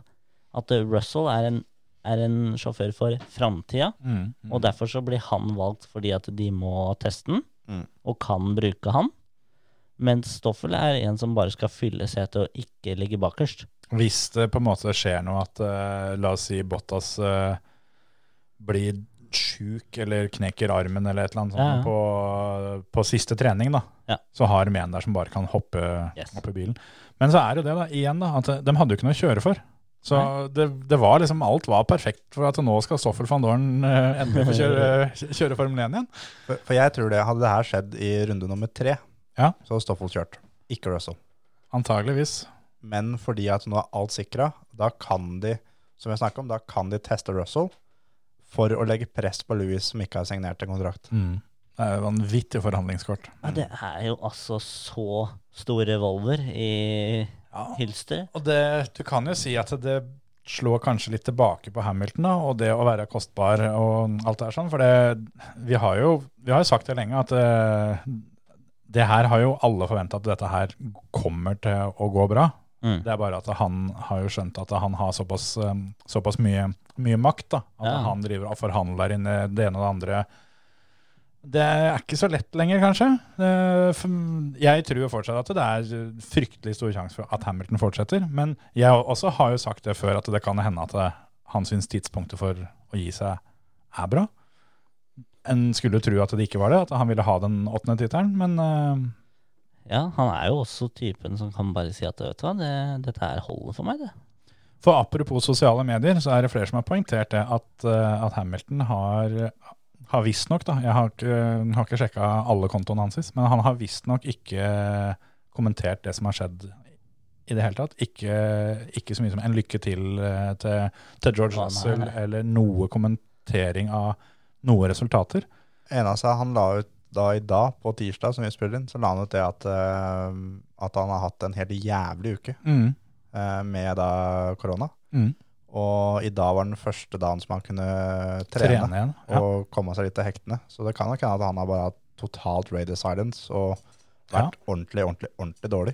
Men han sa jo de første Etter en dag eller to så kom det jo med at han hadde, hadde milde symptomer. Det kan jo selvfølgelig endre seg, da. Men ville jo trodd at det hadde På en eller annen måte så hadde den nyheten nå kommet ut. At han faktisk var sjuk, eller at han var, at han var såpass dårlig at eh, han var uh, forhindra fra å bruke Instagram, da, for å si det sånn. Men det, det kan jo hende at han har sendt en privatmelding da, til George. Han kan, For for det alt vi er- veit, så har han vært på telefon med George Russell og gitt en tips eh, Jeg tipper det. hver eneste dag. Det er jo veldig sannsynlig. For det, Louis har snakka mye om George på pressekonferanse før, Ja. Mm. om at han er bra. Og han syns yngre talenter er veldig kult. Han snakka veldig varmt om Ocon for mange år siden. Mm. Så helt garantert at han har snakka med Russell på en eller annen måte. Jeg tror så det. det er en tekstmelding eller et Ja. eller annet. Men det er jo ikke like eh, spennende. Den Han, der, eh, nei, vi driter i den, gutter. jeg tror at han eh, har vært på telefon med han, eh, og at de har hatt noen timer i telefonrøret sammen. Det, det, det, det tror jeg. Men mye mer eh, gøy hvis vi eh, spekulerer i hvorfor han ikke har, har eh, på en måte offentlig ønska han lykke til. Nei, her er det bare klinsj og drama. For det Men, men eh, om Hamilton fortsetter, da. Det er, det er jo en er jo dette, dette setet til Bottas, da. Jeg tror øh, det er ganske sikkert at neste år så er øh, Hamilton og Bottas, Mm. sånn som det har vært planlagt, Mm. helt sikkert. Og så da fra 2021, nei 2022, så går én av dem ut. Mm. Om det er Louis som gir seg, så går Russell inn. Eller om Bottas øh, ikke får lov til å kjøre mer, så går Russell inn. Russell tar én av de to sin plass Ja. Mm. i 2022, når det kommer nye regler. Jeg setter en knapp på at han tar et sete i 2021 i Mercedes. Jeg syns det hadde vært skikkelig gøy. Men Det, det tar jeg bare fordi jeg har syntes det hadde vært gøy. Ja, ja. ja. Men- jeg, da, jeg er helt enig, det har vært dritkult, Mm. Ja. men jeg tror, Jeg tror ikke det, at men- det er noe særlig sannsynlighet for det. i Det var- store deler. det var vel sånn de henta Bottas i sin tid. Ja. Fra nettopp Williams òg. ja. Ja. men da lå det mye mer i korta. Ja. At Oh. Da var det det at de, da Rosberg ga seg, Mm. den eneste naturlige erstatteren hans For da, da sto den der uten en fører. Eneste naturlige erstatteren hans, det var Bottas. Ok, ok. Så Men blei kjøpt ut, han òg. ja. Og, og hvis Hamilton står på sitt og skal ha si 600 millioner i år, da. Mm. For en ny kontrakt. Og vi har femårskontrakt for alt vi veit, liksom. Ja. Ja. Og så sier Mercedes det får du ikke. Er det helt utenkelig at, eh, at Bottas eh, får beskjed om det at eh, du, du beholder lønna di, men eh, du skal kjøre Williams neste år? du? Kan skje. det, er, det er mulig. De bare switcher dem to. At da, da, da får Williams en fyr som, eh, som kan utvikle litt bil og på en måte være med, og, og, og de får med seg en del hemmeligheter, en litt bedre motordeal på kjøpet. Altså en, en del man sånne ting. Men så er jo også det at eh, Bottas er jo ikke ræva. Det er Nei, jo sånn at, nei, eh, nei da. Bottas er fortsatt en, en Han gjør den rollen sin helt 100 perfekt. Mm. Han er der og samler poeng, og han er der når Louis ikke er på topp. Mm. Da er Bottas der hver eneste gang. Eh, Stort sett, da. Stort sett. Ja. Men så er det det at den bilen er ubrukelig i trafikk. Men som Der syns jeg Russell faktisk var bedre enn eh, enn- enn forventa, altså, for det, Det var mye dekk som gjorde det. Ja. Nei, men altså du, Den mannen der kunne kjørt med hvem som helst dekk etter det pitstoppet der. Ingen hadde stoppa han. Nei, nei. Altså, du så jo det. Stroll gikk inn og sperra. Ok, gå en meter til til høyre. da. Ok, da gjør jeg det. Ok, da går jeg enda en meter til høyre. da. Prøv nå, da. Ja. Og bare ok, greit. Bare kjør forbi, du. Og det når han tar Bottas der sånn, i det partiet som Ah. ingen mente at det var mulig å kjøre forbi. Ja. Så da var han på Greit, Russell hadde ferskere hjul, helt greit, men Ja. han kommer seg forbi. Det er, altså, at Sainz kjører forbi på samme punktet seinere i løpet, Mm. Det er ikke så rått. Nei, for da hadde du sett at det var mulig å kjøre forbi der. Ja, og da hadde jo ikke Bottas hadde jo ikke hjul igjen. Nei, for jeg kan tenke meg det at en ting var, var at Bottas eh, måtte sette på igjen de, de der harde dekka som han hadde kjørt en 18-20 runder på. Mm. Men i tillegg så hadde jo de dekka da vært en tur av bilen og blitt litt kald. Og, altså, det, Ja. Jeg tror ikke det var noe fest. Det var eh, Altså, det var som han sa på radioen, da. What the fuck was that? For å si det rett ut. Ja, rett og slett. Men eh, nei, jeg syns eh, George Russell var jævlig skarp, og han tok, eh, tok den muligheten han fikk med begge henda, og viste for så vidt det at eh, om han får lov å kjøre 2021, Ja. så er eh, Jeg tror eh, bookmakerne kommer til å ha forholdsvis lav odds da, på at han eh, blir verdensmester. For han har vist at det kan skje. Og så Vi kan jo nevne da at eh, Esteban Ocon tar sin første ballplass, blir nummer to. Ja. Det er dritkult. Det Det var er veldig gøy å se, for at det- både da 1-2, 3-eren dreit jeg i, for han t mente han kunne vinne hvis ikke Perez hadde kjørt forbi han. Pressa seg forbi, liksom. Mhm. I should have won. Og det er bare sånn, ja, litt igjen. Men eh, Esteban og, og Sergio var jo dritglad. Ja, de, Altså, de grein over mål. Begge to grein jo. Fikk du litt grann frysninger da, i og med at det var akkurat sånn når du vant EM? At det var idet du passerer linja, så da åpner du krana? Eh, ja. Jeg, jeg hørte jo det på teamradioen, at det hadde vært samme melding tilbake fra meg, da. Mhm. Men eh, det, eh, følelsesregisteret mitt fikk kjørt seg da, for å si det sånn. Jeg var så forbanna jeg, at det, det, det kokte når det, her- alt dette her skjedde. Og så i tillegg så var jeg sånn glad for Ocon, som da har hatt en ræva sesong, og får kommet seg på pallen. Og Sergio får sin første seier uten å ha noe å se til neste år. Og sånn åh, Faen, for en jævla, et jævla løp. Ja. Lance Stroll fikk seg pallplass igjen, og Terje. Ja da. Det var, det var moro for den, det. Men Kjempestas. det, er også, det irriterte meg noe. Ikke det at han går på pallen, det er helt greit. Men intervjuet hans etterpå, Ja. at han står der og er forbanna for å bli nummer tre, det er sånn derre Herregud, voks opp. det, eh, ja, med den poengfangsten han eh, faktisk har hatt eh, i det siste, sjøl om eh, han har klart å gi et inntrykk av at det har gått fryktelig fælt fordi han fikk seg en pole og litt sånne ting. Det, det Han hadde, har jo ikke samla poeng, for det. han har vært liksom der oppe, så har han stråla seg ut av det da, hver eneste gang. det, det hadde, det hadde vært noe helt annet med Bottas eller Hamilton eller Verstappen Mm. og stått og vært litt irritert og blitt nummer tre. Det er helt greit. Men når det er Stroll, altså For det første så blir jeg irritert bare av å se på han. Det er én ting. Men han er ikke på pallen hver helg. Nei. Når du først kommer på pallen, ta den med begge hendene da, og lat som du er fornøyd. i hvert fall. Mm. Ja, han, er på, Og- han er på pallen fordi fire foran han er gått ut. Ja, ja. Så det Vær hadde jo- glad. Det Han hadde, hadde vært med 7-8, han. ja, det, det hadde vært nedi der han pleier å være, det.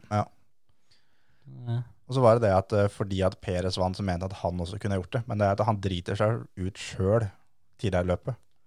Ja, var det, var det der Peres eh, fikk skylda uten å Han var vel ikke i ti meters omkrets av bilen engang? Nei, det var en norsk kommentator som eh, hylte ut det at se på det der, se på det der. Det er så typisk Peres. Hva, ja, å kjøre forbi da, eller? Det var genialt. Altså, Peres måtte jo forbi. Det var hans eneste mulighet til å vinne. Mm. Måtte se- komme seg forbi, for han hadde bedre dekk, bedre pace. Mm. Han hadde blitt stuck bak der, så hadde han brent opp dekka og ikke hatt sjanse til å vinne. Og så er det det når du skal forbi, så Perez var ikke borti den. Han bare lå på inneren og bremsa seint. Og Klart Mhm. at når da Stroll har bestemt seg for at nå skal jeg bremse seinere enn han er her, Mm. da blir det for seint, da. For når Perez da veit at det her er Det går ikke å bremse seinere enn det her. Mm. Nei. Så er det klart at da går det til helvete, da. Ja. ehm, Men apropos kommentatorer Altså, her må jeg gi kaktus, for at eh, hadde jeg sittet og sett på Viasat, så er jeg rimelig sikker på at jeg hadde sendt både dem og denne personen en melding på hva faen er det du driver med. Altså, hvordan kan du si at George Russell ikke bryr seg om en pontering på en andreplass på vei til å vinne et løp som han burde ha vunnet overlegent? og da at han vil være fornøyd med å få poeng. fordi han aldri har fått poeng før, liksom. Har du, har du glemt hvordan det er å kjøre bil, eller? Kjøre billøp? Konkurranseinstinktnivå null. Null. F vet du ikke hvordan det her fungerer? Du er, det er om å gjøre å vinne løp. Og så Altså, det kom det jo også en melding under kvalifiseringa, når det da i Q2 eh, så har vi valget mellom å kjøre på soft, eller medium eller hard. Og det er mange som kjørte der på medium, fordi topp 10 i Q2, de må starte på det løpet de slutter Q2 med. Ja, ja, samme det. kan- Ja. Ja. Mm. Og det er klart at du, du har ikke lyst til å starte det løpet der på soft. Nei. Mm. Du har lyst til å starte på medium. Eller egentlig så vil du helt sikkert starte på hard. Men, Mest du, sannsynlig. men det er ikke sikkert du kommer deg videre fra Q2 på hard. Nei. Da kjører medium som er ganske kjappe. Mm. Når, du, når du da som en kommentator ikke skjønner det, hvorfor de kjører medium, når de kunne ha kjørt soft, det er så sjukt det. Ja, altså både Q2 og Q3 for så vidt. da. Det handla jo om, spesielt for de beste teama, å komme seg videre. Mm. Om de blir nummer én eller ni i Q2, har ikke så jævla mye å si. Nei, Jeg nei. har ingenting å si. Nei, altså Det er jo kjekt å ikke være nummer ni og måtte, på en måte følge med og bite negler. Men eh, Jo jo, men så lenge du er eh, og det er jo en grunn til at det, veldig vanlig da, så setter de ei tid på medium først. og Så kjører de ut, um, ut ganske seint etterpå Mm. og kjører soft og gir på. Og så hvis de finner ut at det, nei, den mediumtida de holder, så Da er går det de av rett inn. gassen, og så beholder de den tida de har på medium. Det de også gjør da i Q2, når de går ut en gang til, er jo også å bruke mer bensin. Så det er lettere bil til Q3. Ja. Ja. Det er også mye av grunnen til at de går ut en gang til etterpå. Mm. Nei, det, jeg ble overraska flere ganger i løpet av helga, altså hvor øh, noen som følger med på Formel 1 hver eneste helg Få hvor- betalt for å følge med på Formel 1 Ja. hver helg. Det irriterte meg så jævlig, og jeg så det ikke live engang. Jeg fikk det bare på melding. Og da kjente jeg at det, det kokte så inn i helvete at jeg holdt på å sende både han og vi et bilde av Russell i gresset. Sånn, ser det her ut som en som ikke bryr seg om å ha tapt et løp? Mm. Ja. Eller blitt fratatt et løp? Det er godt gjort å, um, å være på lønningslista til Viasat og jobbe som selger for F1 TV. Ja, faktisk. Det er, for, for dere som ikke vil høre på det, og faktisk høre på folk som kan det. F1 TV er stedet å være, i hvert fall. Men dere, nå fikk vi, fikk vi blåst ut litt. Skal vi eh, ta oss en kjapp pustepause og få ned tempen litt, og så, og så prater vi bitte litt grann VRC etterpå? Jeg har en konkurranse vi må kåre vinner i òg. Stemmer. Ja, fanken. Det er Emil er helt rød i panna her nå, så nå må vi ha en Jeg pause. kjente jeg ble, jeg kjente jeg ble varm. ja. Straks tilbake. Du hører på Førermøtet, Norges beste motorsportpodkast. Da er vi tilbake. Eh, fikk vi roa oss ned litt. i landet, Og det jeg ikke tenkte på, er at vi kommer vel antageligvis til å bare fyre oss opp igjen når vi skal prate om dette VRC-løpet, så da tror jeg vi skal ta konkurransen først. Det, det, er, det er veldig smart. Jeg ser du blir litt irritert bare vi prater om det. Ja, fytti helvete. Jeg hadde håpa at vi hadde holdt på så lenge at det ikke blei noe snakk om det VRC-løpet. Kanskje vi Men, eh, bare skulle tatt det til uka. Nei, nei. Da har vi nok annet å prate om. Da er jeg irriterer meg over det ei uke til. ja. Men konkurranse, det bestemte vi oss eh, forrige uke for at det skulle vi ikke ha. Og så endte vi opp med at det, det måtte vi ha. Ja. Ja. Det er jo sånn typisk eh, oss, grønn det. Ja, ja, ja. Kjempeforarbeid og forberedelser. Vi planlegger eh, veldig sjelden mer enn eh, Ja, nå veit ikke jeg helt hva jeg skulle si, for jeg hadde ikke tenkt på det. Jeg hadde ikke planlagt. Nei, ikke Der sant? ser du hvor mye vi planlegger. Ja, Av. vi planlegger underveis, i grunnen. Knapt nok det. Ja. Men eh, konkurransen, det var noe vi la ut fordi du eh, hadde fått deg ny hjelm, Emil. Oh yes. Så var vi så sikre på at den hjelmen var så fet at eh, det var ingen som eh, hadde fetere enn det. Så derfor så ba vi alle om å sende en bilde av sin egen hjelm, og så skulle vi premiere den, eh, den vi syns var kulest. Ja. Syns du fortsatt din er, eh, er den kuleste? Enkelt og greit. Måtte, måtte, måtte si det. Ville vært litt sånn kjedelig å sagt at nei, veit du hva. Nå er jeg ikke så sikker lenger. Jeg Kan egentlig den hjelmen bare holde seg ned i New Zealand? Jeg vil ikke ha den engang.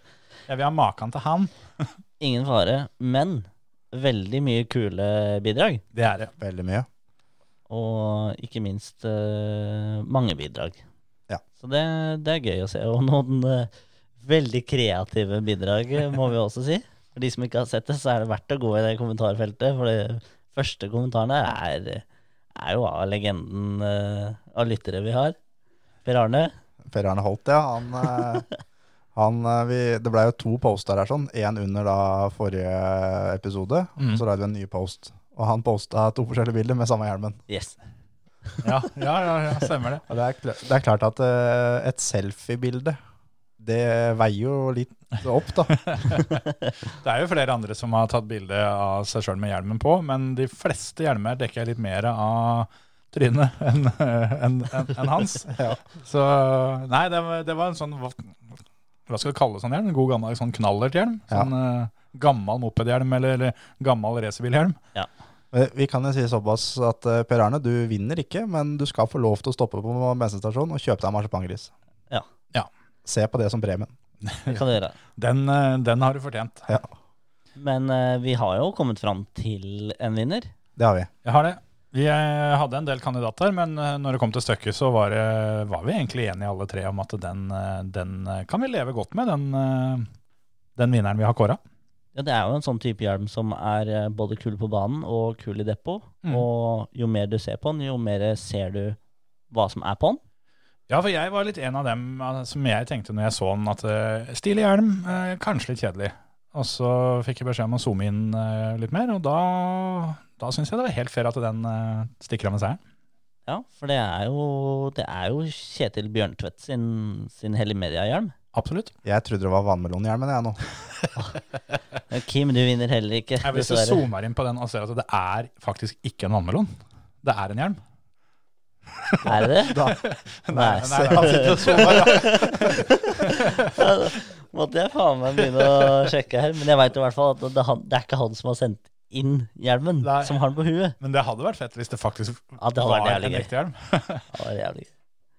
Nei, men eh, uten tvil eh, en dritkul hjelm eh, som Kjetil eh, har, og, og lakkert av DK Color Design. Mm. Mm. Veldig Jeg syns eh, det er den kuleste hjelmen som DK Color Design har lakkert, mm.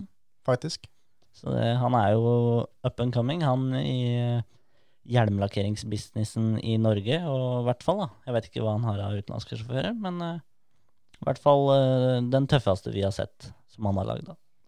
Så har vi også fått bidrag fra to tidligere gjester. Det er litt kult. Ja. Mhm. Både Eivind Brynildsen og Marius Strømøy kommenterte med hver sin hjelm. Mhm. Det er, eh, vi må jo bare si det at det, alle hjelmene som har blitt posta, har vært kule på hver sin Ja, ja. måte. Ja, det var, eh, det var ingen hjelmer hvor noen av oss på noe tidspunkt sa det at eh, denne vinner, i hvert fall ikke. Nei. Alle, var- alle var fine. Så da, Kjetil Bjørntvedt, du kan sende oss en melding, og med adresse og alt sammen, og så ordner vi en premie til det. Det skal vi gjøre. Moro, moro. Nå er det snart jul, vet du. Premie, pakker og greier. Ja, ja, ja. Der burde jo jeg ha planlagt og ikke sagt det, for den, den kommer helt sikkert ikke fram før jul. Så sorry, Kjetil, du får den ikke før jul. Men det det er som vi sa forrige gang, at det mm, Alt mellom nå og påske må dere være fornøyd med. Ja, og det går alltid mot påske. Ja, ja, ja. En eller annen påske kommer snart. Ja. Ja. Nei da, men eh, premie skal det bli. Det er det eneste vi er helt sikre på, i hvert fall. Yes. Vi veit vel knapt nok hva det blir engang, men eh, vi skal se hva vi finner på. Ja. Skal vi eh, prate litt eh, World Rally Championship så lenge, da? Det går an å gjøre. Snike oss innom der litt. For eh, de hadde sesongavslutning eh, i helga, på Monza. Ja. Og eh, ja, hvor skal vi begynne, egentlig? Det- Vi, vi kan jo begynne med at vi har en eh, norsk verdensmester. Ja, det, må vi, det, det er et veldig fint sted å begynne. Ja. Det syns jeg faktisk. For det er Mats Østberg og Torstein Eriksen. De eh, vinner sammenlagt for eh, VLC2. Yes. Det, jeg tror vel de blir for, for de verdensmestertittel i VLC2. Sto sånn. Fett. Det er rått. Så de, det er jo da første verdensmesteren eh, Norge har fått E-rally siden Petter Solberg. Jepp. Rått, rått, rått. Gratulerer. Gratulerer. Hurra. Først årets bilsportutøver, altså den rett etterpå. Eh, Det er gøy å backe opp uh, ja, ja. tittelen, da. Vise det. at Med en ny det- tittel. Absolutt.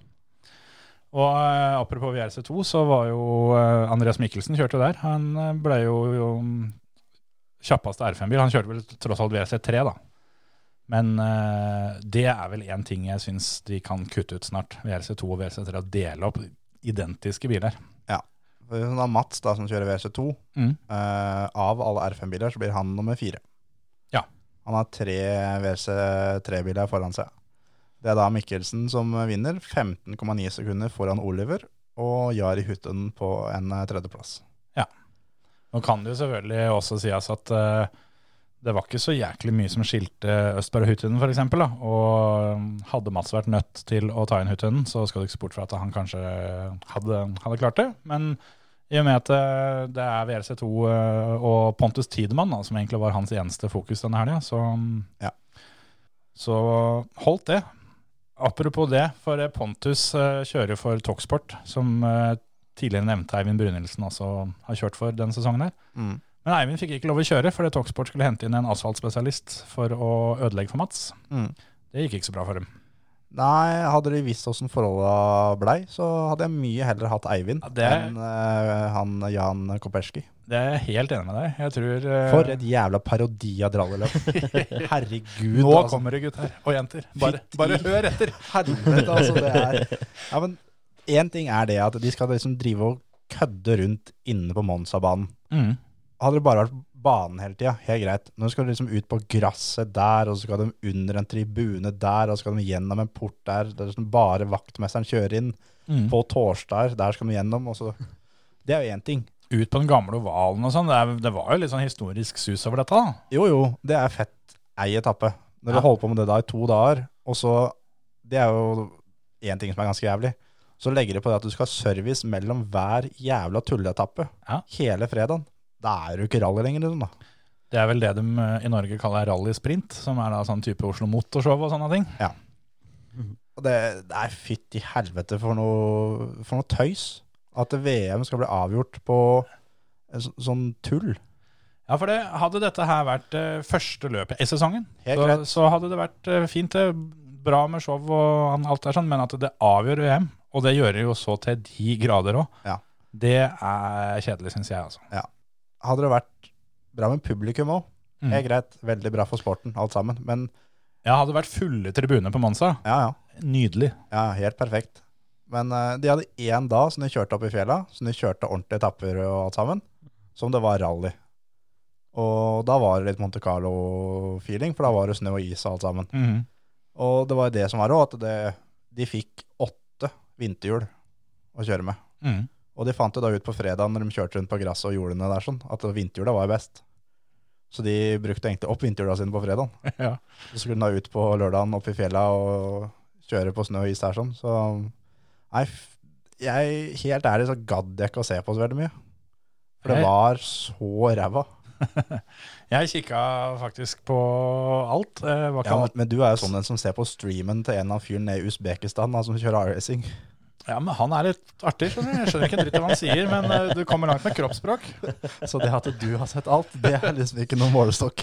Nei, det er for så vidt sant. Nei, det var ikke alt jeg hadde tid til å se live, da, men jeg gikk tilbake og kikka på det. Så jeg uh, syns jo Altså, én ting er som du sier, at de har ei lita sløyfe hvor de eh, skal kjøre over, eh, over plenen eller på en liten grustubbe eller noe sånt noe, men når de kjører da, og det det høljeregner og snør og sludder og alt sammen, og så blir det til søle, og så kjører de den samme etappa om igjen så mange ganger at det, den søla blir så sporete at de der eh, asfaltoppsett-bilene de ligger helt nedpå.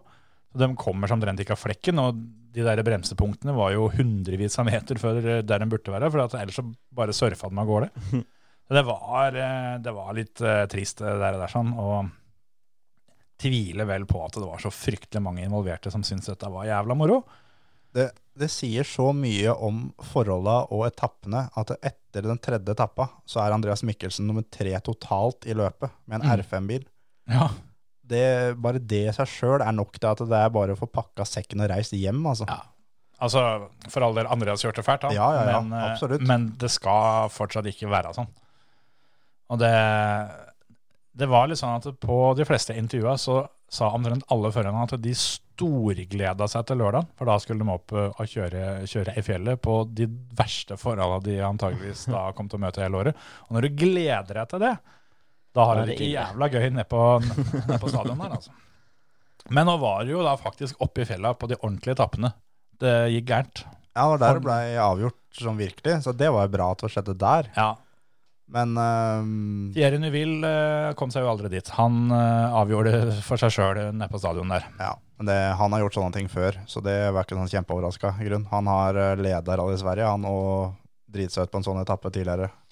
Ja, det er flere som Ja, på en, på en sånn etappe, ja. ja. ja. Sånn, sånn tøysetapper, rett og Ja. slett. Men eh, Det er jo et utsagn som stemmer veldig bra når det gjelder til sånne superspesialer, sånne stadionetapper. At eh, du kan ikke vinne så veldig mye der, men du kan tape enormt mye. ja, det er eh, det der. Og sånn var jo da hele torsdagen eh, og hele fredagen og hele søndagen i det Ja. løpet her var sånn. Ja. Så mm, Men det var jo det at eh, Evans leda jo VM før det løpet her sånn, og lå i grunnen veldig bra an. 14 poengs ledelse. Ja, og hadde jo egentlig god kontroll på Ogier eh, gjennom fredagen, og også gjennom lørdagen, og da begynte det å snø ut, oppe i fjellet.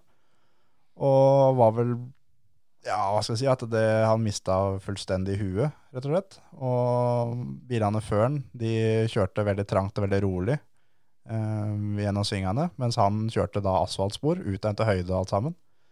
Og da når det kommer da ut og ikke kjøre i sporet til de foran, og rett og slett bare da vannplanere eh, og på snø og is og det som er, og reiste rett av banen, eh, rett av veien. Det mm, tror jeg ikke han kommer til å glemme med det første, for å si det sånn. For det, han skulle bare til mål, for da hadde de kommet eh, såpass langt i løpet. De hadde en eh, Etter den etappa så var det to fjelletapper til, og så var det de der tulleetappene på søndagen. Tre eller fire sånne. Ja. Og han hadde, hadde matcha tempo eh, såpass bra så langt at det, det her kunne ikke gå, gå gærent. Og hadde jo ikke, hadde jo ikke brutt et eneste løp eh, hittil denne sesongen, så mm, det meste så ut til å være egentlig i boks for eh, Evans sin del. Da. Men så var det jo også igjen da, at eh, hadde det ikke vært for Altså, hadde Ogier kjørt først, så tror jeg han hadde reist av i den samme svingen. Og hadde ikke Evans av kartleseren gått opp på veien og har sagt fra til Ogier som kom bak, om at eh, her står vi, så her må du kjøre pent, Mhm. tror jeg han hadde reist av han òg. For det, han, sjøl om, om om han roa ned såpass mye som han gjorde, så var det hjullåsing og litt sånn gjennom den svingen allikevel. Ja. Så, mm, men sånn er det. Det er jo en ting rally i hvert fall veldig lenge, om ikke alltid har vært veldig kjent for. Det er, det er litt gentleman, det der eh, opplegget der som de, de har enormt respekt for hverandre, og det er aldri noe tema det at eh, «Nei, men nå er det jo titelutfordreren min som kommer bak, så istedenfor å sette ut varseltrekanten, så eh, hever jeg en svær stein i innersvingen. Mhm. Det skjer ikke. Men det var jo nesten akkurat det der som, som skjedde like før, på samme etappa. Ja. Eller om det var etappa før, det husker jeg ikke. Eh, da reiser jo Greensmith av Ja, veien, ja. og mm, det ruller ned i skauen. Eh, neste bil på veien er Katsuta. Han går opp og varsler for han. Så går han vekk. Da kommer Veiby og drar av i akkurat samme sving og løper over. Så den der delen med For det står ingen steder at du må gå og varsle. Mm. Men det er sånn det at du gjør det. Mm. Du, Det er, eh, du har så mye respekt for de andre gutta, liksom. Ja, for det, alle vet jo at det, det kan fint være meg neste gang. Ja. Og vi vet jo faktisk ikke om, eh, om han varsla for Katsuta, eller om eh, Katsuta bare, bare klarte seg. Ja, jeg mener jeg har sett bilder av det at han er eh, oppe, kartleseren oppe og vinker for Ja. han, skjønner du. Ok, ok. Og, men eh, når Veiby kommer, så var det ingen. Nei. Og det gikk jo skikkelig dritt for eh, Veibys del. Det ble brutt løp tvert, og ikke minst avbrutt etappe. Ja. Eh, og det er jo en sånn ting eh, for Elfin Evans sin del, da. Sjøl om han dro av, så var det jo ikke sånn at VM-tittelen var kjørt. For det, med de forholda, det kunne fint skje at eh, det skjedde noe med Sebastian Augiero. Mm. Men så strøyk de jo da det som var løpets vanskeligste etappe, da. Som da skulle kjøres rett etterpå. Den, den bare fjerna dem. Så da var jo på en måte Ogiers vei til eh, vei til mål plutselig veldig eh, annerledes. Ja. Han holdt huet kaldt, han. Noe annet ville vært litt overraskende. Han er jo en veteran blitt. Så um, jeg sa jo det at så fort Evans eh, var av veien, så var det her eh, Da var det her eh, klart for Rogier. Ja, ja. Han gir ikke fra seg det her sånn uansett hva som skjer. han hadde motorras imot, på en måte. Ja, det Det- var det eneste som, som kunne ha skjedd. Så nei, for øh, et øh, ubeskrivelig tøysete løp. Det var det. Og det vi, det vi tar med oss, er at Sebastian Ogier blir verdensmester. Hundai tok uh, tittelen eh, for fabrikksteamet. Eh, Andrea Damo var, eh, var eh, akkurat like fin på intervjuer som han alt de er, helt til intervjuet hvor eh, tittelen var sikra. Og da så du at da var det litt eh, tårer i øyekroken på den igjen. Ja. Så, Men det som også er rimelig sjukt eh, med det der, sånn, er at eh, Sordo har jo vært en tredje, kanskje også fjerde fører for Hyundai i år. Ja. Kommer inn, leverer gang på gang på gang på gang. på gang. Mm. Uten han den helga her, så hadde ikke de vunnet konstruktør-VM. nei, han holdt jo på å vinne hele dritten. Em, hvis ikke jeg husker helt feil, så fikk vel han faktisk eh, tidstillegg òg, pga. han, han hadde kutta ei sjikane eller et eller annet sånt nå Ja. endaen. Og hadde det ikke vært for den, så hadde det vært sekundstrid mot Augier om, eh, om seieren. Mm. Og han endte til slutt som nummer tre, hadde blitt nummer to uten, eh, uten den straffa. Men eh, ja. Nei, så tar vi med oss at eh, Ole Kristian Weiby kjørte i, i VRC-klassen. Ble jo dessverre brutt løp, men eh, fryktelig ålreit å ha en nordmann i toppklassen igjen. Det var det. Og Andreas Mikkelsen, eh, han, han leika seg fælt, tror jeg, og kosa. Han kanskje var en av de få som, som faktisk kosa seg skikkelig. Jeg tror det. Og mm, så er det også det som SAPK Lappi sa det at eh, det her var nok slutten. Nå er jeg ferdig, og jeg kommer ikke til å kjøre i hvert fall for Ford neste år. Og da er ikke flere andre seter ledige heller. Og han har sagt det at nå regner jeg med at han er ferdig i VRC. Så da er det i hvert fall ett sete ledig da, i eh, VRC neste år. Og Andreas Mikkelsen har jo i hvert fall vist det, at eh, i den grad eh, de skal ha sjåfører for eh, å kjøre fortest mulig, så burde han være med i diskusjon, for det der gikk fælt.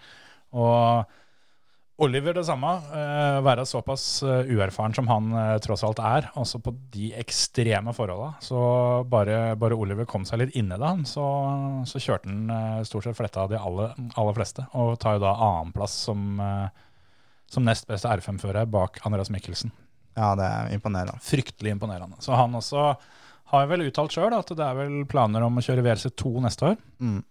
Altså akkurat det samme som han har gjort i år, men da blir det vel Skoda hele sesongen antageligvis. Gjør nok det. Og prøve å bli verdensmester der, da. Ja. Men eh, ja, vi har, vi har sagt det før. Jeg tror han er VLC-ready. Så får vi bare kose oss med det han, eh, det han velger å kjøre, uansett hva det blir.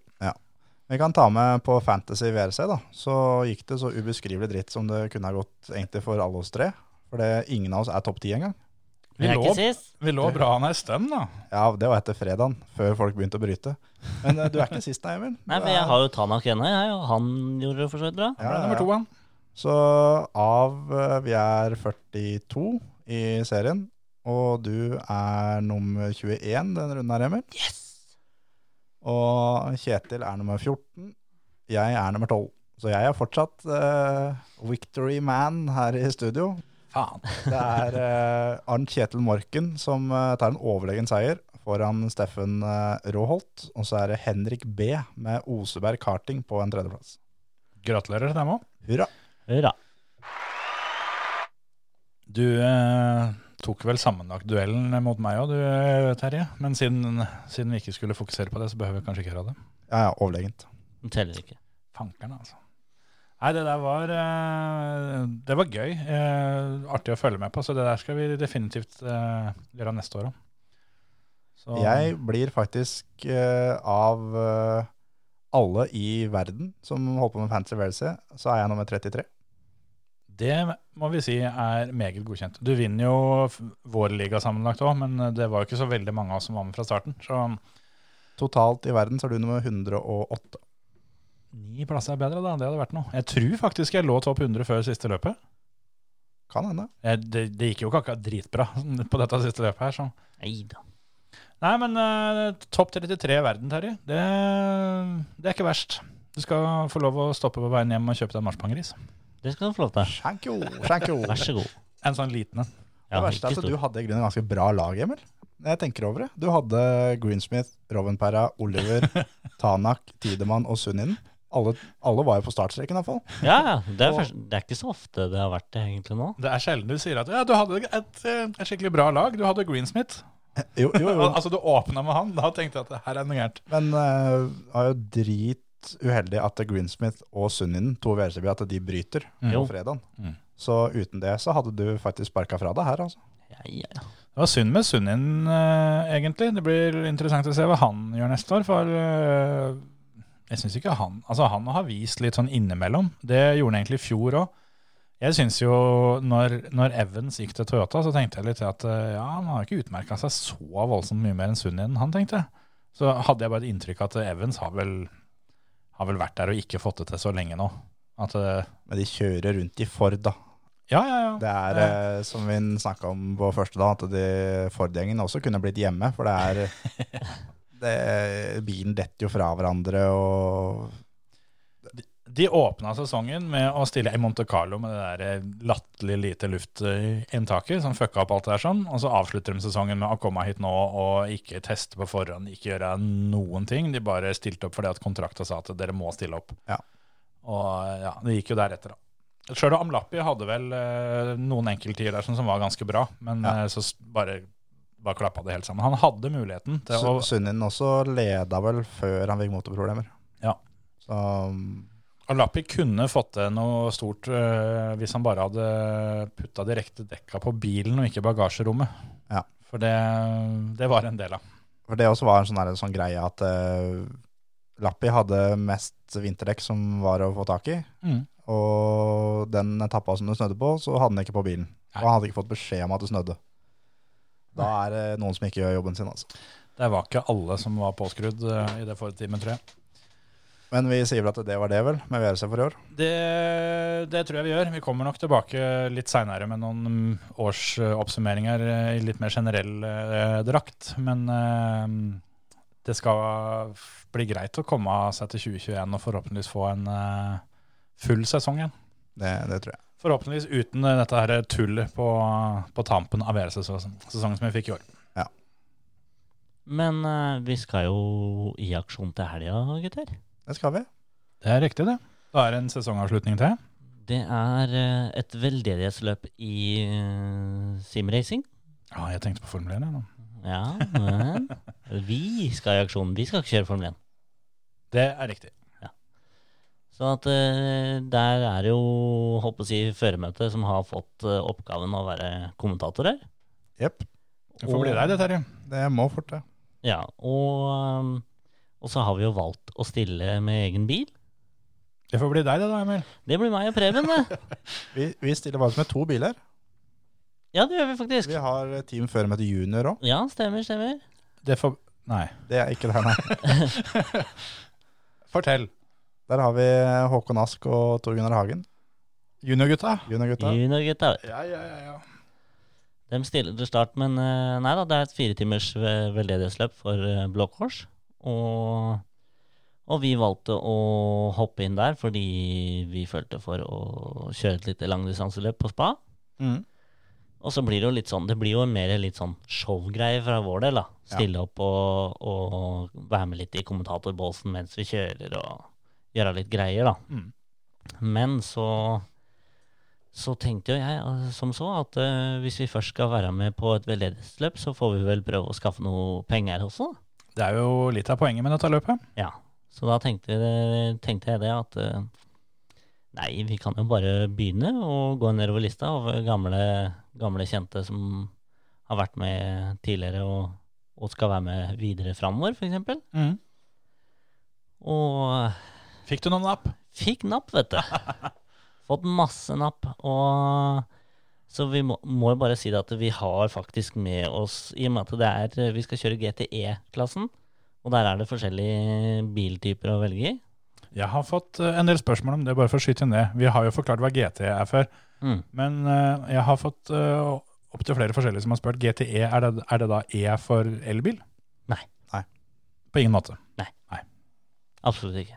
Så da kan de eh, se på, se på løpet til helga, så får de svaret. Ja. For det er en vesentlig tøff bil. Veldig kul bil. Ja.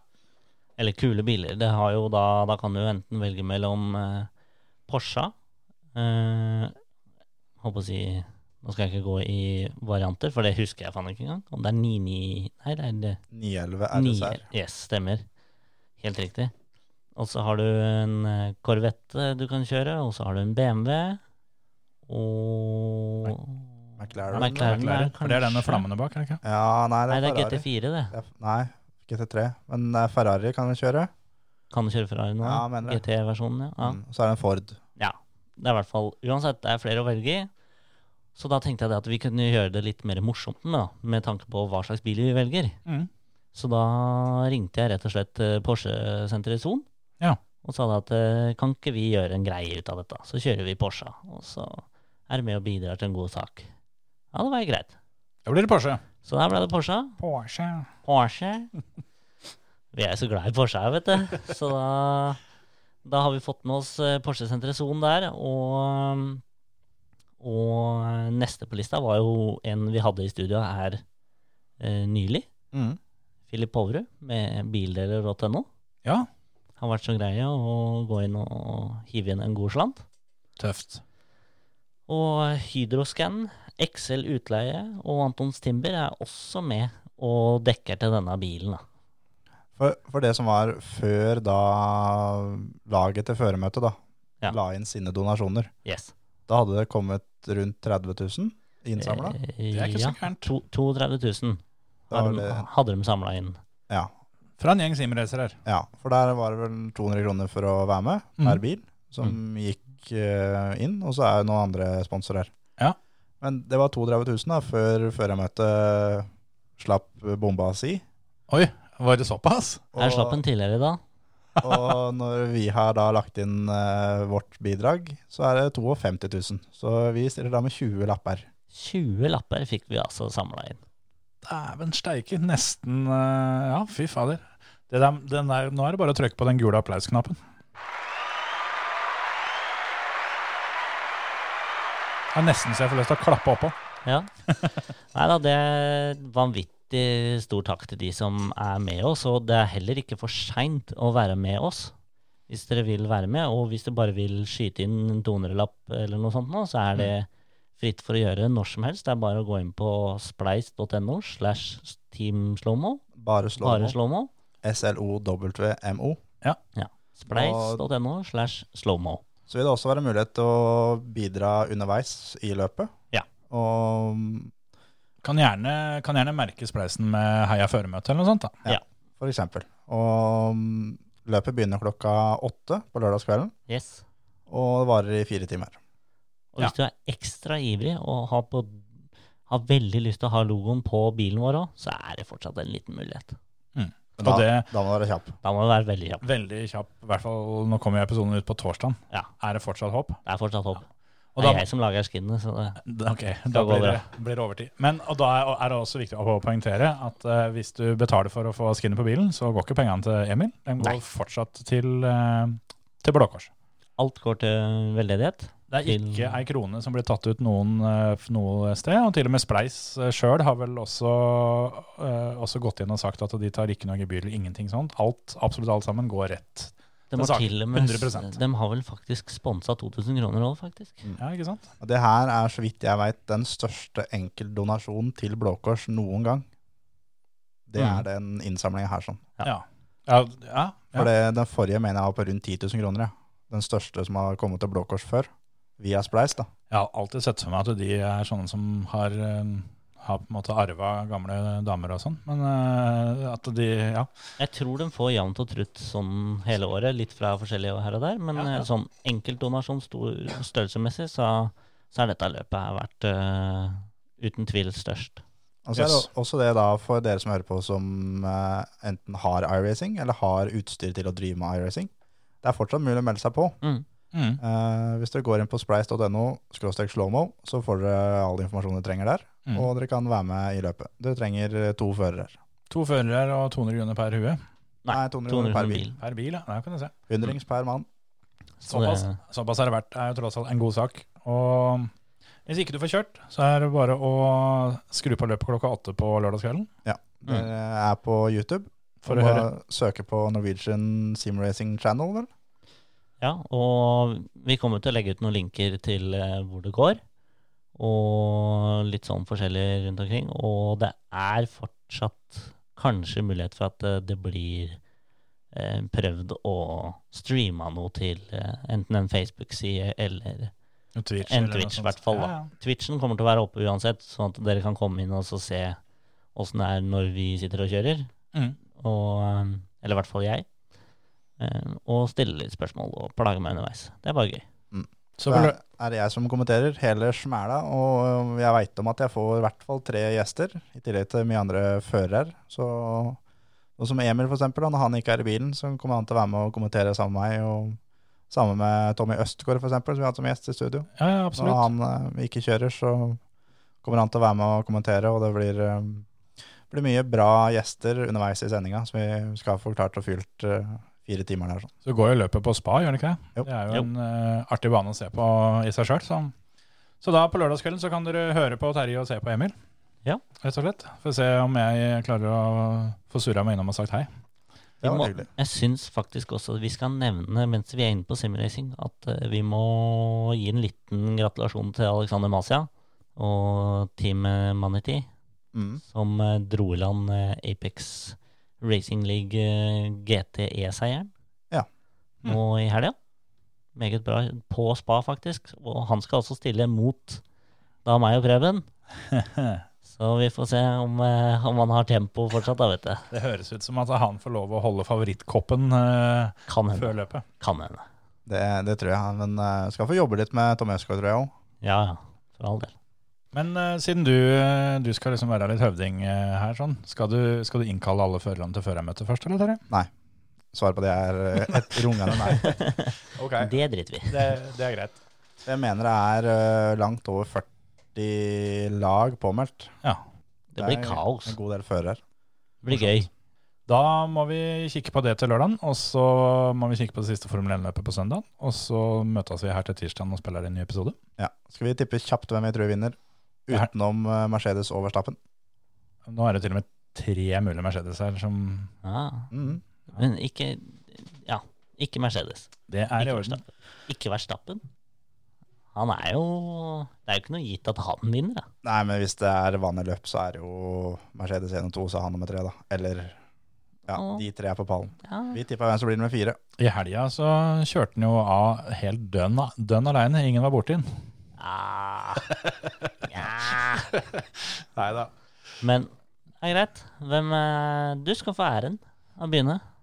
Men nå er det jo så lenge siden vi har tippa at det at jeg drev og, og vant hver gang, eh, så jeg får ikke tippe først lenger. Nei. Sainz. Ja, får du ta nå da, Emil? Ricky Ricardo. Du holder på han. Ja, sjuen, vet du. Han skulle vært der nå Hadde ikke vært for den jævla pitstoppen.